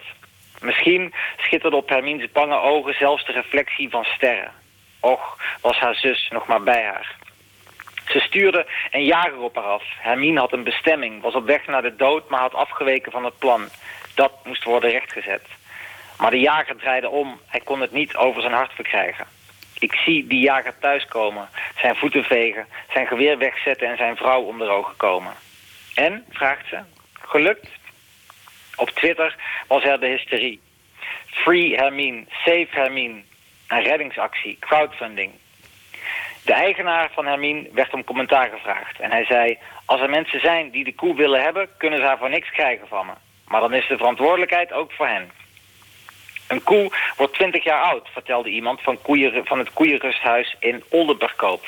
Hij zei, een koe kost, ons hier zo'n 160 euro per maand. Mensen zijn vaak in het begin heel enthousiast om aan zo'n reddingsactie mee te doen. Maar het gaat erom dat ze ons ook op de lange duur financieel steunen. Een CDA-gemeenteraadslid uit Preda dacht slim te zijn en twitterde... Ik neem aan dat iedereen die nu loeit dat koe Hermine gered moet worden, vegetariër is. Dat was te verwachten. De kanttekeningen, de relativering, het cynisme. Het was hypocriet tenslotte om met z'n allen te janken om één koe... terwijl we er dagelijks duizenden opvreten. Het is waar. Onder ons, de aanmoedigers van koe Hermine... waren heus niet alleen vegetariërs. Maar Hermine moest blijven leven. Ze was the one that got away. Een verhaal dat ons allen in het hart raakt. Vroeger, als je onder de guillotine lag en dat ding blokkeerde... werd je ook vrijgelaten. Maar het was meer dan dat. Hermine brak los uit een systeem waarin we allemaal vastzitten. Niet alleen de vleesindustrie. Het zijn onze levens. De haast, de verwarring, de vervreemding. Een systeem waar geen ontsnappen aan is. Maar Hermine ontsnapte. Van een product in een vrachtwagen werd zij een dier in een bos. Ook wij verlangen naar een bos, naar een sprong uit de vrachtwagen. Onszelf terugvinden, verdwaald tussen de donkere bomen, maar vrij. Nu is Hermine dan eindelijk gevangen. Ze schoot een verdovingspeltje in haar kont dat haar alsnog bijna fataal werd. Er was tegengif nodig om haar weer bij zinnen te krijgen. Maar sinds maandag staat ze dan toch echt te grazen in het koeienrusthuis. Koe Hermine, the one that got away. Het is het toch een hilarisch verhaal over, die, over Hermine, hè? ja, nou ja, dat zijn dan van die, van die kleine verhalen die, die dan Ja. toch ook groot zijn in de, in de symboliek, denk ik. En ik denk ehm, ja, dat dat ons, ons dan toch raakt. Omdat we allemaal voelen dat het, dat het niet klopt met dat vlees en, en hoe we misschien de dingen doen. En dat één zo'n koe daar dan aan ontsnapt. Ik denk, ehm, ja, dat, dat, dat is iets wezenlijks en dat raakt ons eh, toch. En dat confronteert ons ook met onze eigen inconsequenties. Absoluut. Ja, Henk, ja, ja. ik heb weer genoten van je, van, van je, van je verhaal. Nou, en eh, ik spreek ja. je eh, over een paar dagen weer. Ja, hartstikke leuk. Daar gaan we ons op voorbereiden. succes met het programma. En jij ook. Dag. Oké, doei. Ja, dit was een van mijn favoriete schrijvers trouwens, Henk van Straten. Eh, begin april verschijnt The Deconstruction, het twaalfde studioalbum van de Amerikaanse band Eels. En daarvan is dit de tweede single, Today is the Day.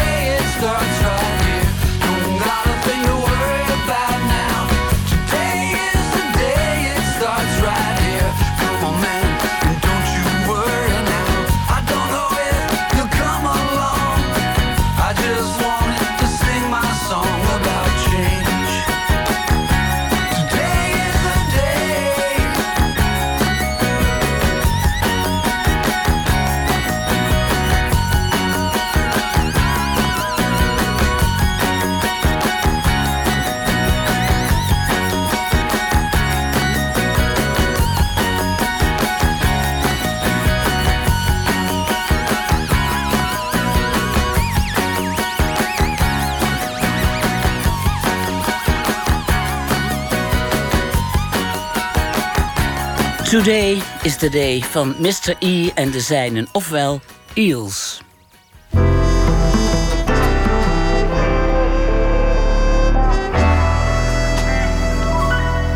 In onze rubriek Open Kaart trekt de gast kaarten uit een bak met 150 vragen over werk en leven. En deze keer is onze gast zangeres Karima El Filali. Goedenavond, Karima. Goedenavond. Ze groeide op in een eh, muzikaal gezin. Haar Nederlandse moeder gaf gitaarles. Haar Marokkaanse vader luisterde naar reggae en klassieke Arabische muziek. En Karima El Falali begon zelf met zingen toen ze een tijdje, een aantal maanden in de Marokkaanse stad Fes woonde, waar ze in de leer ging bij een Soefi-zanger. Ze heeft een grote liefde voor tarab, muziek die de luisteraar in vervoering brengt. En afgelopen weekend ging de voorstelling Ziel of Roe in première. Een samenwerking tussen dansgezelschap ICK en het Amsterdams Andalusisch Orkest. Een voorstelling met hedendaagse dans, muziek uit de tijd van het Arabisch Imperium, begeleid door zang van Karima. Eh, Karima, kan je, kan je iets meer vertellen over die voorstelling? Um, het is een ontmoeting tussen uh, muziek en dans. Tussen um, tekst in de vorm van gedichten en het abstracte visuele. En het is eigenlijk, ja, ik denk wel een, een, een, een, een soort reis naar je onderbewuste, naar, naar het zielsleven wat er ook mag zijn. En dat door, nou, het is een prachtig dansgezelschap ja. en een prachtig orkest. Ja. En wat is jouw aandeel erin? Um, ik zing daarin. Uh, um, ik ben voornamelijk aanwezig in het uh, eerste deel. De voorstelling is een drieluik. Um, elk gedeelte uh, gemaakt door een bepaalde choreograaf met een bepaalde sfeer, een bepaalde visie. En in het eerste gedeelte zing ik echt mijn lied. Maar um, ik houd ook een beetje bij elkaar. Wat betreft met, met zang. Um, soms in traditionele zang, soms, soms wat meer uh, experimenteel. Ik, ik heb je ooit horen zingen, onlangs trouwens, over Mhm. Marokkaanse bruiloft. Dus ik kan me levendig voorstellen hoe, be, hoe betoverend het moet zijn. Ik, ik las ergens dat jij een Arabische nachtegaal bent... opgetrokken uit Nederlandse klei. Het zijn hele mooie woorden. Ja, in het Westland Ja, hè, ben je opgegroeid. ja. En dan met die exotische Arabische touch die je hebt. Ja. Um, jij bent eigenlijk, las ik, een, een diep religieus wezen ook. Je bent opgegroeid met nou ja, de Bijbel van moederskant, Ja. de Koran van vaderskant. Hoe hebben die religieuze richtingen zich in jou verenigd of genesteld? Um, ja, er was in ons gezin was er altijd heel veel aandacht voor, voor het uh, spirituele, um, noem ik het maar. Maar omdat uh, de weg van mijn vader en de weg van mijn moeder voor conflicten zorgde. Uh, um, mijn ouders zijn gescheiden, dus bij je vader hoor je het ene, bij je moeder hoor je het andere. En dan zie je dingen die niet verenigbaar lijken te zijn. En dat drijft je ook aan tot, tot zoeken. Van wat betekent het en wat, wat kan het voor mij betekenen en wat kan ik hiermee? Want je wil als kind toch een soort eenheid in jezelf zoeken. Ik, ik denk dat elk mens een heel wezen wil worden en, en, en, en kijk naar, ja, wat doe je met de bagage die je meekrijgt? Ga je die voeden? Ga je die achterlaten? Ga je die transformeren? En dat is, dat is een, een zoektocht. En, en dat gaat door met elke, met elke dag. Je bent eigenlijk pas laat, relatief laat in je leven naar Marokko gegaan. Ja. Hè? Om daar de cultuur en de, de muziekcultuur ook uh, tot Precies. je te nemen. Ja, ik ben um, echt bij mijn moeder opgegroeid. En merkte dat, uh, nou ja, een, een Nederlands gezin. Um, um, je doet je school, je studie. En op een gegeven moment dacht ik van ja, wat kan je nog meer leren? En kun je alleen leren via een studie? En toen besefte ik dat er een heel deel van mij is, een pad wat ik eigenlijk niet kende. En, en ik vroeg mijzelf af, kan ik mij um, staande houden in een land als Marokko, waar ik de regels niet zo goed ken? Wat gebeurt er met mij? Welke, welke um, ehm, ja, welke vaatjes gaan bij mij open die misschien nu in sluimerstand Hm. liggen. En toen, wat, ja, wat voor mij ook ehm, echt eh, de drijfveer was, is dat mijn vader heeft altijd geprobeerd om mij het Arabisch te leren, maar is niet gelukt. Ik wilde niet op taalles. Ik bracht ook niet genoeg tijd ehm, met hem door. Maar de muziek, die sprak tot mij op een veel dieper niveau. Dat doet muziek natuurlijk, hè? Dat doet muziek. En die, ehm, ja, riep mij ook van: oké, eh, ehm, je stem wil deze klanken maken, maar je hebt de woorden niet. Dan ga, ga de woorden maar zoeken. En ga die klanken ook nog maar, nog maar zoeken. Wa- Was dat eh, griezelig om te gaan doen? Heel erg. Heel erg. Want het, het was ook iets waar ik, eh, waar ik eh, heel lang mee heb gewacht. Ik ben pas op mijn veertiende voor het eerst in Marokko geweest. Ehm, een deel vanwege situatie, maar ook een deel vanuit angst voor het onbekende. Ehm, en ja, ik denk dat elke persoon die gaat misschien verhuizen naar een hele andere wereld, dat die denkt van, oh, wat gaat er, wat gaat er gebeuren? Het kan van alles zijn. Maar je hebt het gedurfd. Ja. En je hebt ook geoogst, hè? Want Ja, jouw, jouw hele werk nu... Je, hebt toch ook een, je brengt toch ook vaak een ode aan Al Khartoum? Om Kulthum, ja. Om Khartoum, Ja. die grote zangeres. Zeker. Eh, deze week nog, 16 februari, Stad Schouwburg Amsterdam. Een grote concert. En ja, zij is eigenlijk de Maria Callas van de Arabische wereld. Eh, een persoon die als geen ander tekst en klank bij elkaar brengt. En ook ehm, die als geen ander mensen weet te ver- verenigen door haar kunst. Eigenlijk ben jij een grotere vertolking van de Arabische zangcultuur... Mhm. dan van de westerse. Ehm,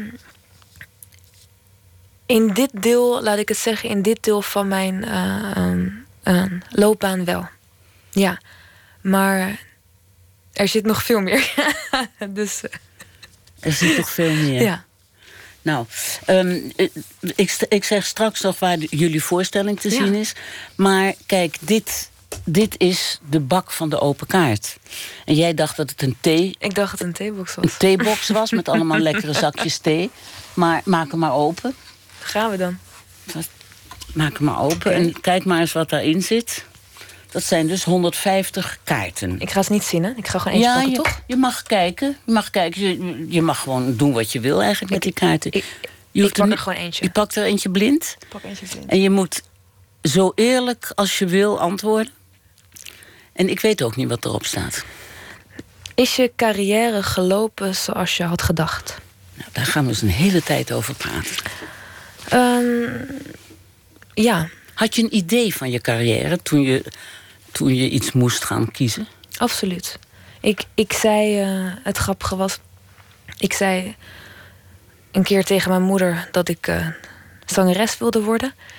Nou, zij, zij elke ouder die wil gewoon zekerheid en het beste voor, voor, voor zijn of haar kind. Dus die zei van ja, maar eh, lief schat, zijn zoveel zangeressen en, en dergelijke. En ik weet nog dat ik op dat moment tegen haar zei van ja, maar ma, ik, ik, ik weet dat ik liefde kan geven. En toen zei ze, ja, maar het is allemaal goed, weet je, maar het is moeilijk. eh, doe maar gewoon een studie en eh, ga daarmee verder. Toen dacht ik, oké, ik ga een studie doen en dan ga ik daarmee werk zoeken en dan eigenlijk eh, Geld verdienen? geld verdienen en dan tegelijkertijd zang doen Ja, als hobby. als hobby. Maar ja, eigenlijk het, het ironische was dat, eh, ehm, dat ik na mijn studie geen werk kon vinden. Wat, welke studie heb je gedaan? Ik heb eh, kunst, cultuur en media eh, gestudeerd in, eh, in, in Groningen. Ja, wat word je daar eigenlijk mee? Ehm, ja, je kan heel veel eh, ehm, functies doen in de, in de kunst- en cultuurwereld. Maar als je klaar bent met je studie op het moment dat de kunstcrisis begint en je hebt geen cv. En ehm, eh, ik had in plaats van een stage, ik had extra lessen genomen. Dus ik was er helemaal niet zo mee bezig. En uiteindelijk ja, is het mij niet gelukt om eh, ehm, werk te vinden in mijn vakgebied. En toen was Halbe Zijlstra ook nog trouwens in een vorige functie ook nog reuze actief. Dus, Dus, Oké, eh, en toen... eh, eh, Nou, en toen uiteindelijk kwamen... Ja, die optredens die kwamen wel. En die groeiden eigenlijk ja, steeds meer. En, en, en, en via die optredens kwam eigenlijk ook meer opening voor ander soort werk in, in, de, in de cultuurwereld. En ik heb, kijk, je hebt, ik denk elke persoon die, die groeit op een eigen tempo. Je hebt, je hebt eh, eh, ehm, artiesten die, ja, prodigies, die vanaf jongs af aan zijn ze, zijn ze de beste en kunnen ze van alles. En je hebt groeidiamanten. Precies. En, en, en ik voel meer dat mijn eh, tempo iets anders is. We gaan nog eens een kaart trekken. Ik hoop dat die net zo leuk is als de vorige. Oh jeetje. Welk boek zou je ooit nog willen lezen? Ik denk dat ik de Torah ooit zou willen lezen. Hm. De Torah. Ah, De Bijbel en de Koran heb je uit. yes. Echt uit. Nee, je grootvader was dominee. Ja, ja, Je vader was moslim. ja. Ben jij, ben jij moslima? Ehm, ik hou niet van labels. Dat is maar te beperkt. dat is te beperkt. Maar als iemand ehm, het zou vragen, zou ik ja zeggen. En nu nog de Torah. Waarom? Omdat eh, ik vind het en, en ik, ik vind het interessant in de zin dat we ehm, heel makkelijk spreken over, over eh, ehm, mensen, over ehm, volkeren, over, over geloven, maar dat we eigenlijk nooit de boeken hebben gelezen die eigenlijk de grondslag zijn van, van die geloven. Nee. Dus dan denk ik ja, De bijsluiter kennen we helemaal niet. precies. Nee. Dus dan denk ik, oh maar ja. die ken je wel van de. eh, Je hebt de Bijbel en de, de, de Koran heb je toch wel. Nou, niet helemaal gelezen natuurlijk, maar daar heb je wel een beeld van. Ja, absoluut. Absoluut. Maar, Goed. maar, maar van, dat, van dat boek heb ik echt niks, niks gelezen. Nee. Nou, en dan besef je wel, ik dacht ook aan. Ja, ik heb, zij zijn ook nog, ook nog boeken van Dostoevsky die ik niet. Die Nee. ik niet ken, maar ik denk van oké, welke. Als je denkt aan Maar grote één werken. boek nog mag lezen, ja. Nou, Nou, dan denk ik heel zo. goed. Goeie keus. Je mag er nog één pakken. Nog één. Ja Oké, daar gaan we. Ik vind je antwoorden erg inspirerend. Wanneer heb je voor het laatst hard gelachen? Nou, volgens mij toen ik eh, deze doos zag. Nou, ik heb je helemaal niet hard horen lachen. Fatima. hard genoeg. Als, dat hard lachen is, dan moet er, moet een hardere lach geweest zijn. Voor het laatst. Jeetje. Maar ik lach heel veel hoor. Maar hard. Dat je echt denkt. Dat je echt denkt Kom dat niet je, meer bij. dat je. Niet met vriendinnen of Ja, sowieso. slappe lach. Sowieso. Ik heb. eh, ik heb een vriendin die, die ook een tijd geleden hier was. Shishani, een zangeres. Ja. Als ik met haar ben, dan, eh, dan is het gewoon eh, door de knieën vallen. Wat heerlijk. Wat doen Ja. jullie dan? Ehm, we praten over dromen. En we praten ook over alles wat er mis kan gaan. En ergens op het kruisvlak daarvan.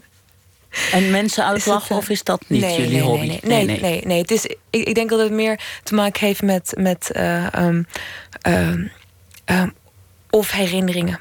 We, we hadden een keer een interview eh, in Luxemburg voor de televisie. En ze hadden maar één kleur foundation. En zit je daar met één donkere vrouw en één lichte vrouw. Ik werd oranje. Zij werd een soort bleke geest. Dus ja, weet je, gewoon al dat soort gewoon grappige dingen, Ja. awkward dingen. Ehm, dus eigenlijk meer, meer om jezelf lachen, meer eh, eh, eh, En om de situatie. om de de situaties. malligheid. Oké. Ja. Pak er nog eens een. Gaan we de laatste pakken, denk ik. Hmm, waarin ben je schaamteloos? Ja. Oké, ik denk schaamteloos. ehm, ik had het er laatst over eh, met iemand die, die zei van ja, ehm, ik vind het, ik vind het eh, knap dat je eh, zo kwetsbaar durft te zijn. En ik dacht, hoezo, hoezo kwetsbaar? Het is toch gewoon zoals het is. En toen zei die persoon ja, dat leer je ook wel echt in de kunstwereld. En toen dacht ik van ja, ehm, door het werken met eh, eh, ehm, regisseurs, onder andere in een project wat ik vorig jaar heb gedaan, was met het danstheater Aya. Ehm, hebben we heel erg, mo- moesten heel erg graven in onszelf. Van oké, wat leeft er? En in kunst ontstaan de parels door echt te blijven bij wat er echt is. En of dat nou mooi is, of lelijk, of verdrietig, of, of, of uh, vredig of gewelddadig. En ik denk dat die training uh, um, um, en ook het ontdekken hoeveel kracht er zit in die eerlijkheid, um, heel veel schaamte heeft uh, weggehaald ten opzichte van mijn eigen gevoel, ten opzichte van hoe ik dingen heb beleefd. Moet je nog steeds wel eens schaamte overwinnen? Zijn er nog momenten dat je denkt: dit durf ik gewoon niet? Um, um, bij dit durf ik gewoon niet, is het meer uh, angst dat ik het niet kan. Hè? Bijvoorbeeld, bijvoorbeeld als zangeres, je bent afhankelijk van je adem. Wat als ik een hartklopping mm -hmm. krijg? Wat als mijn adem ja, stokt? Dat is wat anders. En dan, ja. dan dat geeft mij angst. Um, maar echt schaamte, dat, dat is met de jaren minder geworden. En, en daarmee wil ik niet zeggen dat het allemaal exhibitionistischer is, maar ik geef minder waarde aan, aan, aan, aan, aan, aan het oordeel van een ander. Dat is wel een bevrijding en een groei natuurlijk ja. hè? in je vak. Ja. ja. Karima, ik, um, we zijn aan het einde van dit gesprek. Dank je wel. Ik vond mooie antwoorden op goede vragen. ik moet even zeggen dat jullie voorstelling... Um, hoe heet die ook weer? Uh, ziel of... Ziel of roh. Of roh. Ja. Is roh Arabisch voor ziel? Roh, ja, zeker. Roh. Ja. Die, um, nou, die gaat de komende tijd nog op reis, hè? Zeker, ja. Morgen staan we in uh, Rotterdam. Rotterdam. In Rotterdam, ja. En verder moeten mensen maar even gewoon kijken op een website. En um, je bent dus vrijdag in de stad Schouwburg yes. in Amsterdam. Ja. Bedankt dat je hier naartoe bent gekomen... en een hele goede reis terug door de nacht. Merci. Alela Diane is een singer-songwriter uit Nevada City in Californië. En ze schrijft zeer persoonlijke teksten. Haar nieuwe soloalbum heet Cusp. En daarvan is dit het openingsnummer Albatross.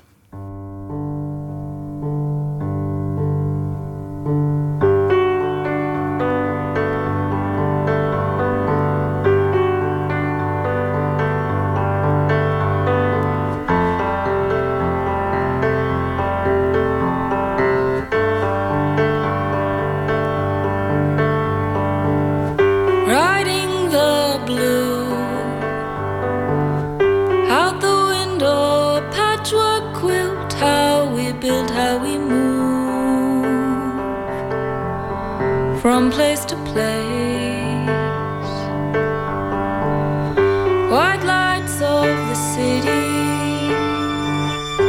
and the echo of lingering eyes traveling alone. Suitcase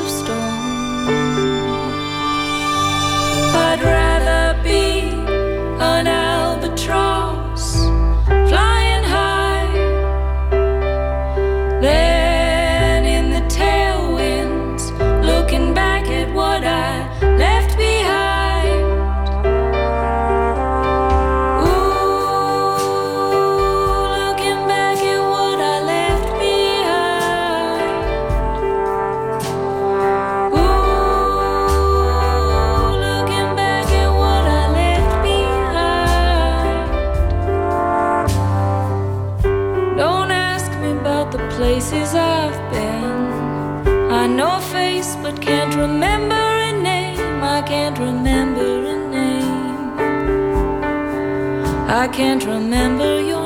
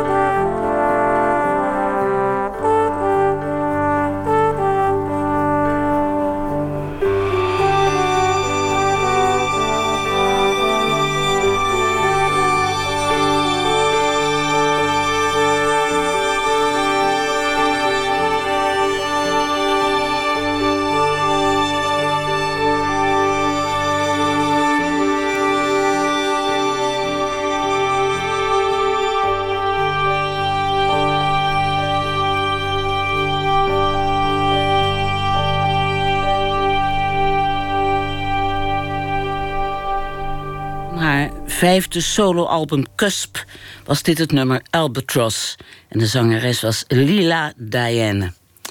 Wij gaan verder met 1 minuut. Een serie vol wonderlijke verhalen in 60 seconden. De bijdrage van vandaag heet Wachten. Pst, 1 minuut. Ik vind het verschrikkelijk saai, maar het is zo. Ik heb elke keer voor 12 uur s'nachts slapen. En uh, ik heb uh, dikke sokken op mijn linkerhoofdkus liggen, want ik krijg s'nachts dan altijd heel koude voeten. En ik heb een, een, uh, een heel mooi dekentje op mijn bed, dat, dat ga ik dan heel mooi opvouwen. Dat, dat is een ritueel, in vier vouwen. En dan kruip ik in mijn bed. En het liefste wat ik dan doe, is gewoon op mijn rug gaan liggen en dan blijf ik wachten. Als ik een, als ik een noemt dat weer, zo'n woordenboek zou maken, dan zou dat alleen maar vol staan wachten, wachten, wachten. Ik wacht tot als het morgen is. En eigenlijk aan de geluiden, daar uh, verbind ik mij een beetje s'nachts mee. Of als ik nu mensen buiten hoor om vier uur s'nachts, ik heb daar niet zo'n probleem mee. Dan denk ik, ik ben niet alleen wakker.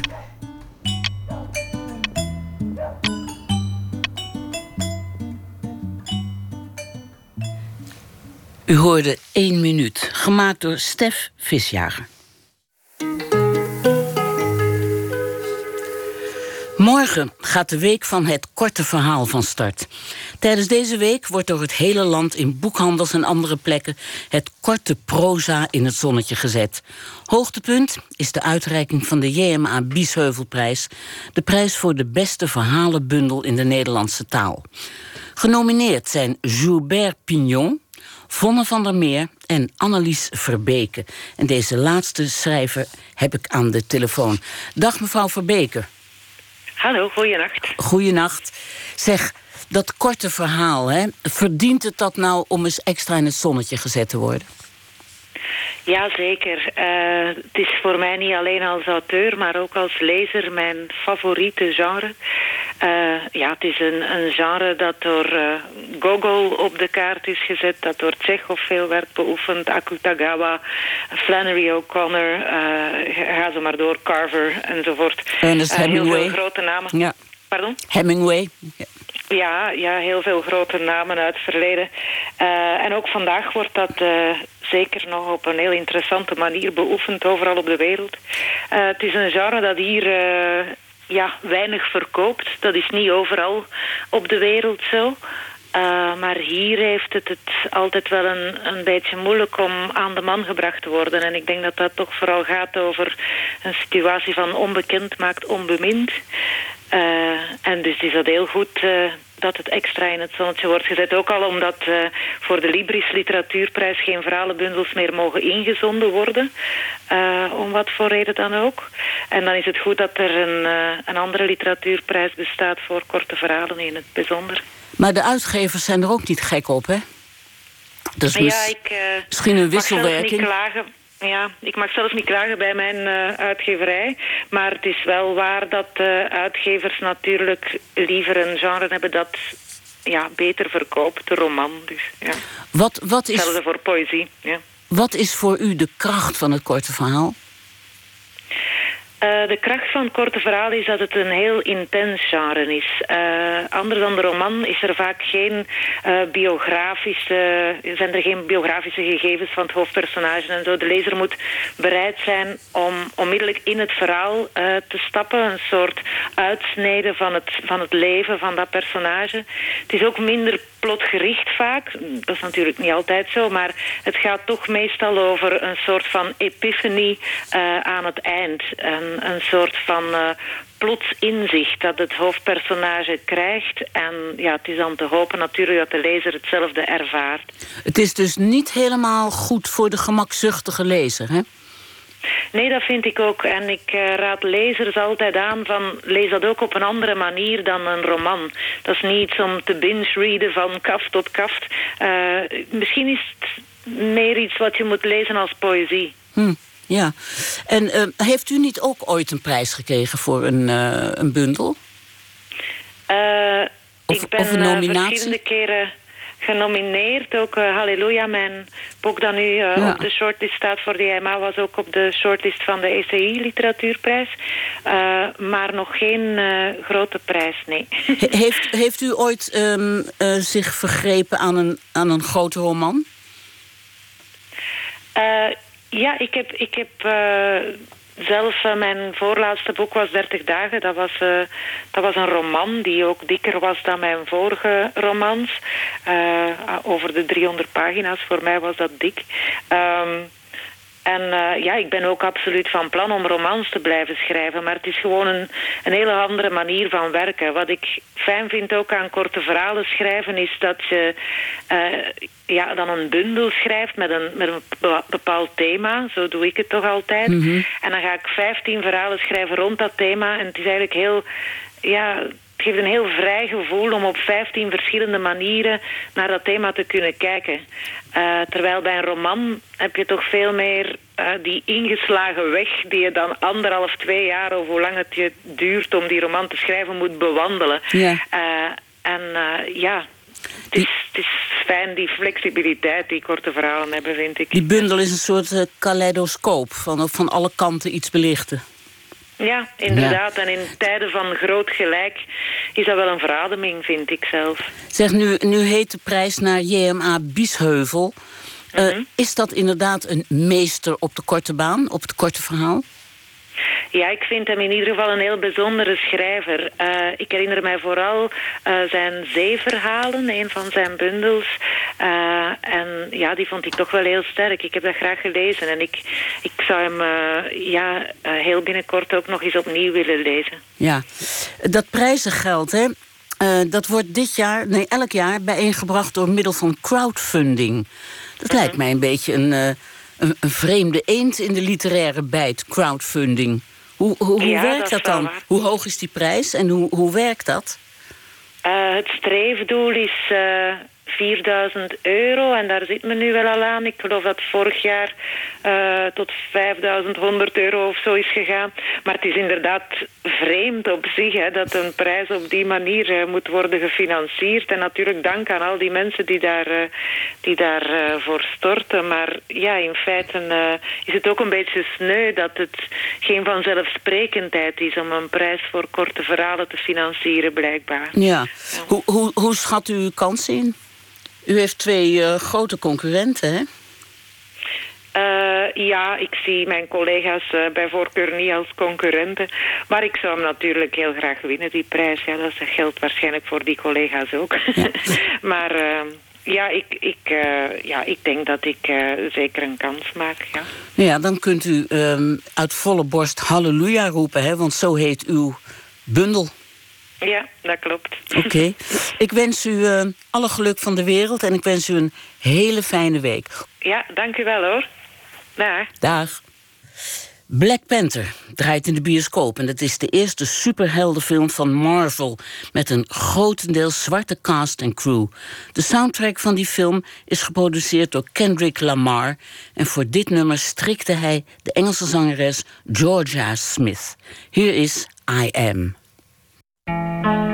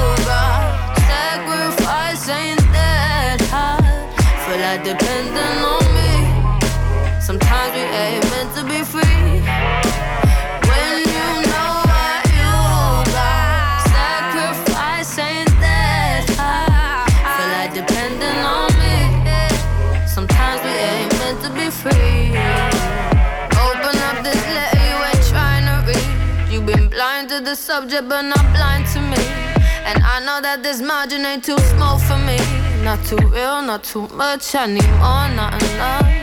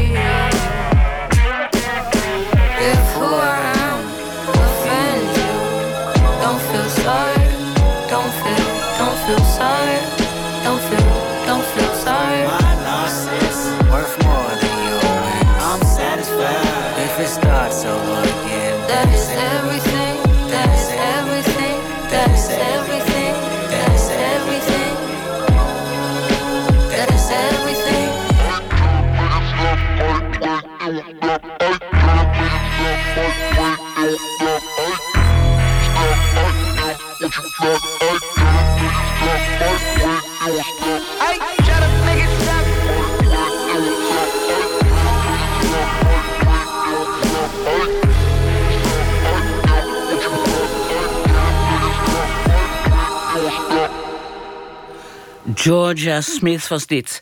Onder meer bekend van haar samenwerking met Drake. En u hoorde haar hier met I Am. En dit nummer maakt deel uit van de soundtrack van de film Black Panther. I'm not a smart man. Everybody be cool, this is a robbery! When I'm good, I'm very good. But when I'm bad, I'm better. No, I'm just getting warmed up. Silly rabbit.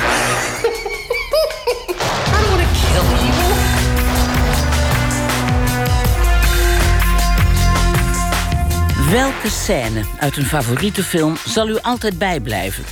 We vroegen dit aan bekende filmmakers en vandaag de favoriete scène van Antoinette Beumer.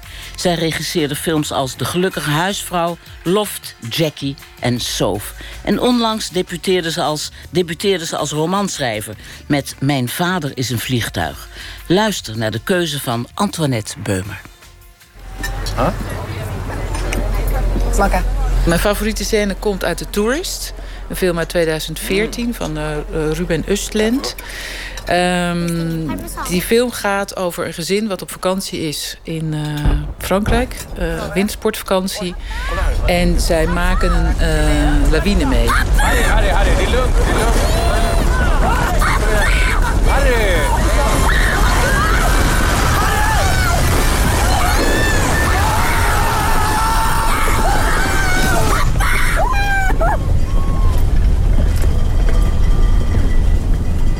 Het lijkt in de eerste instantie veel erger dan die is. Maar eh, de hele film gaat eigenlijk over het feit dat de man op het moment dat het gezin overspoeld wordt door sneeuw wegrent en zijn gezin eigenlijk achterlaat.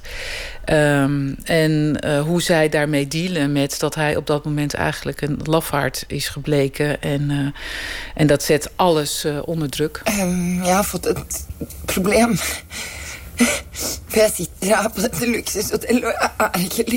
føler meg Het is de scène waarin de hoofdpersoon, de man, met zijn eh, beste vriend die langs is gekomen, ehm, hebben ze geskiet eh, met z'n tweeën. En eh, eigenlijk is de scène die daaraan vooraf gaat ook best belangrijk om te vermelden. Want dat, da- daardoor heeft deze scène zo'n gigantische impact. Eigenlijk heeft zijn beste vriend eh, gehoord ehm, dat hij dus weggerend is eh, bij eh, die lawine. Terwijl die hoofdpersoon dat zelf enorm bagatelliseert. Eh, doet alsof dat helemaal niet zo is. En, maar je ziet aan alles dat hij er enorm mee worstelt. Ze gaan een mannenuitje doen. Ze gaan of, eh, eh, of piste skiën. En ehm, eh, ja, heel diep in de sneeuw, hard werken. eh, maar ze praten helemaal niet. Ze zitten tegenover elkaar in een lift. eh, ze skiën. En uiteindelijk zegt eh, eh, die man, eh, de hoofdpersoon, zegt... "Hey, ik, ik wil niet meer verder, we moeten even praten. En die zakt, die valt achterover in de sneeuw. En dan zegt die vriend, je moet, weet je, je moet niet praten, je moet gewoon schreeuwen. Ja! Jag är på Vickle! Ah, fy fan i helvetes jävla skit! Ah! Bra! Dat heeft hem schijnbaar goed gedaan. Ze zitten, dus de scène, mijn lievelingsscène is een scène. Eh, Eén shot die vier minuten duurt. Waarin eh, de hoofdpersoon met die vriend eh, zitten in een kringetje met allemaal stoelen. Dat is een café maar, of zo ergens. Maar je ziet verder niks. Je ziet alleen maar een paar stoelen en die mannen.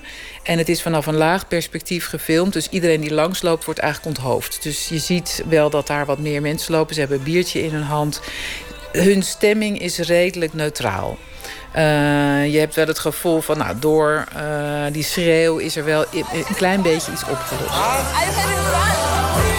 Komt er een meisje ineens naar hun toe en die zegt van, hé, hey, eh, gaat het goed? Hebben jullie het naar je zin? En dus, nou, zij lachen een beetje ja. En het is ook hele harde muziek en zo, dus kunnen de in de eerste instantie ook niet zo goed verstaan. En dan zegt dat meisje, mijn vriendin die daar staat, die vindt jou de aantrekkelijkste man eh, van dit café. En dat zegt ze dus tegen die hoofdpersoon... die in zijn mannelijkheid zo enorm eh, is aangetast, eh, de hele film al. Dus je ziet hem echt zo'n beetje opfleuren. En eh, oh, nou, dank je. En die beste vriend die kijkt hem ook aan van... nou, zie je wel, dat gaat, gaat hartstikke goed. En op het moment dat de vrouw langs is geweest om te zeggen... mijn vriendin vindt, vindt jou zo knap... ehm, begint de camera... Eh, precies op het moment dat de acteur eh, eh, eigenlijk dus dat toelaat. Dat hij zijn mannelijkheid weer begint be- te groeien. En hij, hij, begint zich weer een beetje man te voelen. Begint de camera heel langzaam, kruipend eigenlijk, in te rijden. Waardoor de man ook fysiek groter wordt. Want je komt gewoon dichterbij. En hij ja, hij, blaast zichzelf op. De, de regisseur blaast hem een beetje op. Dus ze zit een beetje na te genieten. Nou, ik denk eh 20 seconden of zo. Van eh, dat compliment. Dan komt dat meisje terug. Come back again. Aha. You made a mistake. She, she didn't mean you. When you want She meant someone else, my friend. She didn't mean you. I'm sorry. It was En dan zegt dat meisje van... eh, sorry, ik vergiste me. Eh, ik heb de verkeerde aangewezen. Je, je bent het helemaal niet. Ze vond jou helemaal niet de aantrekkelijkste man. Oh, zegt zij, weet eigenlijk niet zo goed wat hij daarmee aan moet. En knikt een beetje. En dat meisje loopt weg. En, en eh, zij komt nog een keertje terug. Ja, sorry, sorry, sorry. Komt het meisje, wat dan eh, eh, haar hem aantrekkelijk vond, komt er ook nog bij. Ja, sorry, ik bedoelde jou helemaal niet. En sorry, echt, maakt niet uit. Nou, dus ze maken het eigenlijk maar groter en groter dat hij het niet is. En ehm, nou, die man die, die wordt gewoon eigenlijk daarmee ontmand eh, op dat moment. En zijn beste vriend die kijkt hem zo aan. En dan zegt die hoofdpersoon... Zitten ze ons nou voor de gek te houden? En, eh, dus, en op dat moment wordt die vriend eigenlijk heel boos. En die begint, staat op en die wil gaan eh, wil, verhaal halen. Er komt een andere man bij, die drukt ze in de stoel. en om, om ruzie te voorkomen beginnen ze een beetje te sussen. Het komt allemaal wel goed. Al die tijd blijft de camera in, dat e- in die ene instelling staan. Als dat meisje aangewezen wordt, krijg je geen tegenshot. Eh, je ziet nooit iets van de omgeving. Je blijft extreem eh, dicht op de huid. Ook al is het een wijd shot eh, van de hoofdpersoon en zijn vriend. De reden dat het, dat het nooit saai wordt, is dat er ongelooflijk veel gebeurt. Het, je blijft toch nieuwsgierig naar. ehm, ook omdat je dingen niet ziet. Hij laat zoveel weg. Dus alles wat je niet ziet, daar word je ook nieuwsgierig naar. Maar hij weet dat zo te doseren. Dat net op tijd toch dan zo'n meisje in beeld komt. Het, is, het gaat je niet irriteren dat je haar niet meteen ziet. Het maakt je nieuwsgierig. En dat, dus het je wordt uitgedaagd als kijker. Ehm, en je bent ondertussen ook wel echt heel erg begaan met die hoofdrolspelen. Dus je gunt hem eigenlijk ook dat, dat schouderklopje. Je denkt, je bent wel wat waard. Maar dan zie je ook hoe weinig dat voorstelt. Weet je? Dat het alleen maar even... Ja, je bent de knapste. Oh nee, toch niet. En, en het is weer helemaal weg. Dat is ook ontluisterend. Ik ben zo gefascineerd en onder de indruk van de lef van de regisseur om het zo te doen. Eh, om het gewoon echt te laten staan in zo'n shot. Ehm, en er zijn, nou, er zijn wel twintig emoties eh, die heen en weer gaan eh, in, tussen de twee, hoofd, tussen de twee acteurs. Ehm, je ziet alle emoties van de hoofdpersoon zijn gezicht aflezen. Je ziet hem opveren, je ziet hem weer helemaal verkrummelen. En ik vind het ook ontzettend geestig. Ik vind het zo ontzettend goede scène. Ja, ik zou willen dat ik kan zeggen dat die film uh, uh, mij geïnspireerd heeft in mijn eigen werk. Maar dat is niet zo, want ik heb hem in 2014 gezien en toen had ik mijn laatste film al gemaakt. Um, en uh, sindsdien heb ik geen film meer gemaakt. ik, ik denk wel dat mijn ervaring, um, mijn kijkervaring met deze regisseur en ook weer met zijn nieuwe film trouwens, Square, The Square is dat daar laat hij ook weer heel veel weg.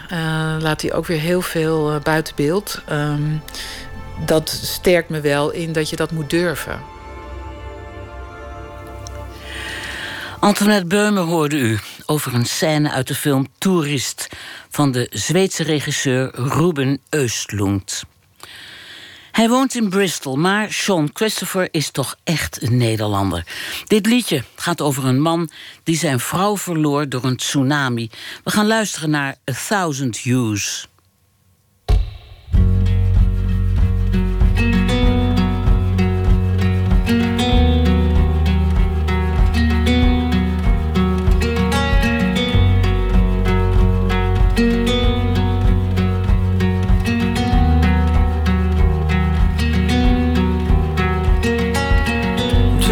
Years. away from peace. On my way to let it flood my soul. A tingle in my feet A sigh as I plunge to eternity. Waves rage above my head My eyes as heavy as a sunken ship. Here amongst a thousand hues is where I'll be. Here amongst the thousand hues, she's endlessly.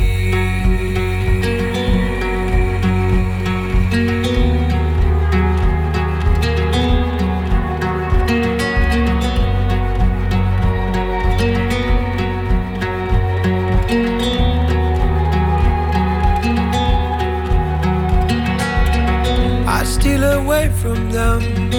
I found the shelter from the rush of life.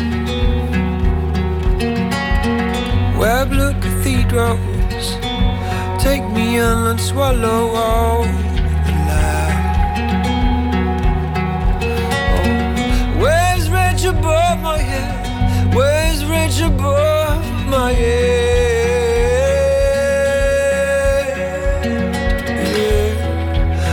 Amongst a thousand hues is where I'll be. Oh, here amongst a thousand hues, endlessly.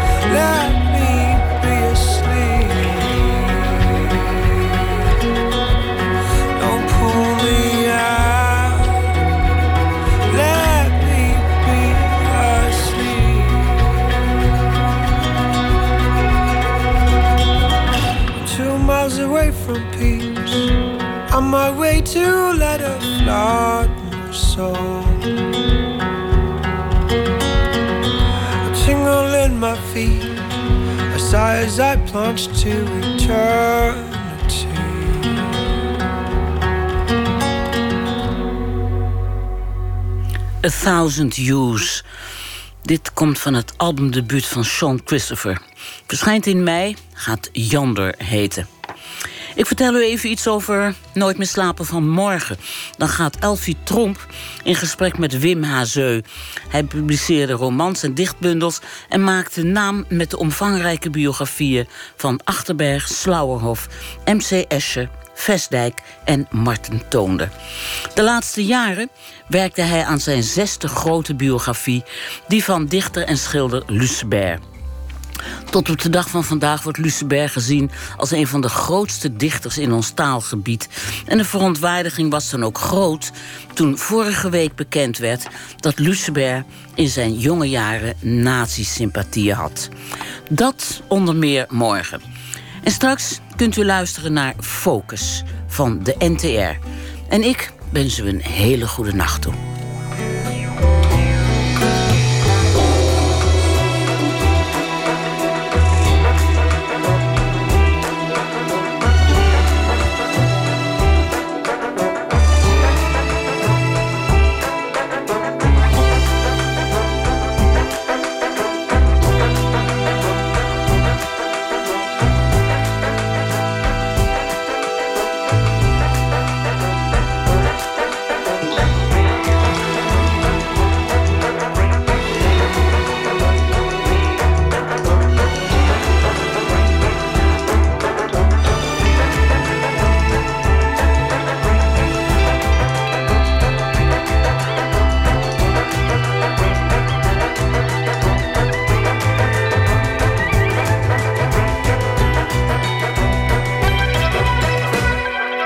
Radio 1, het nieuws van alle kanten.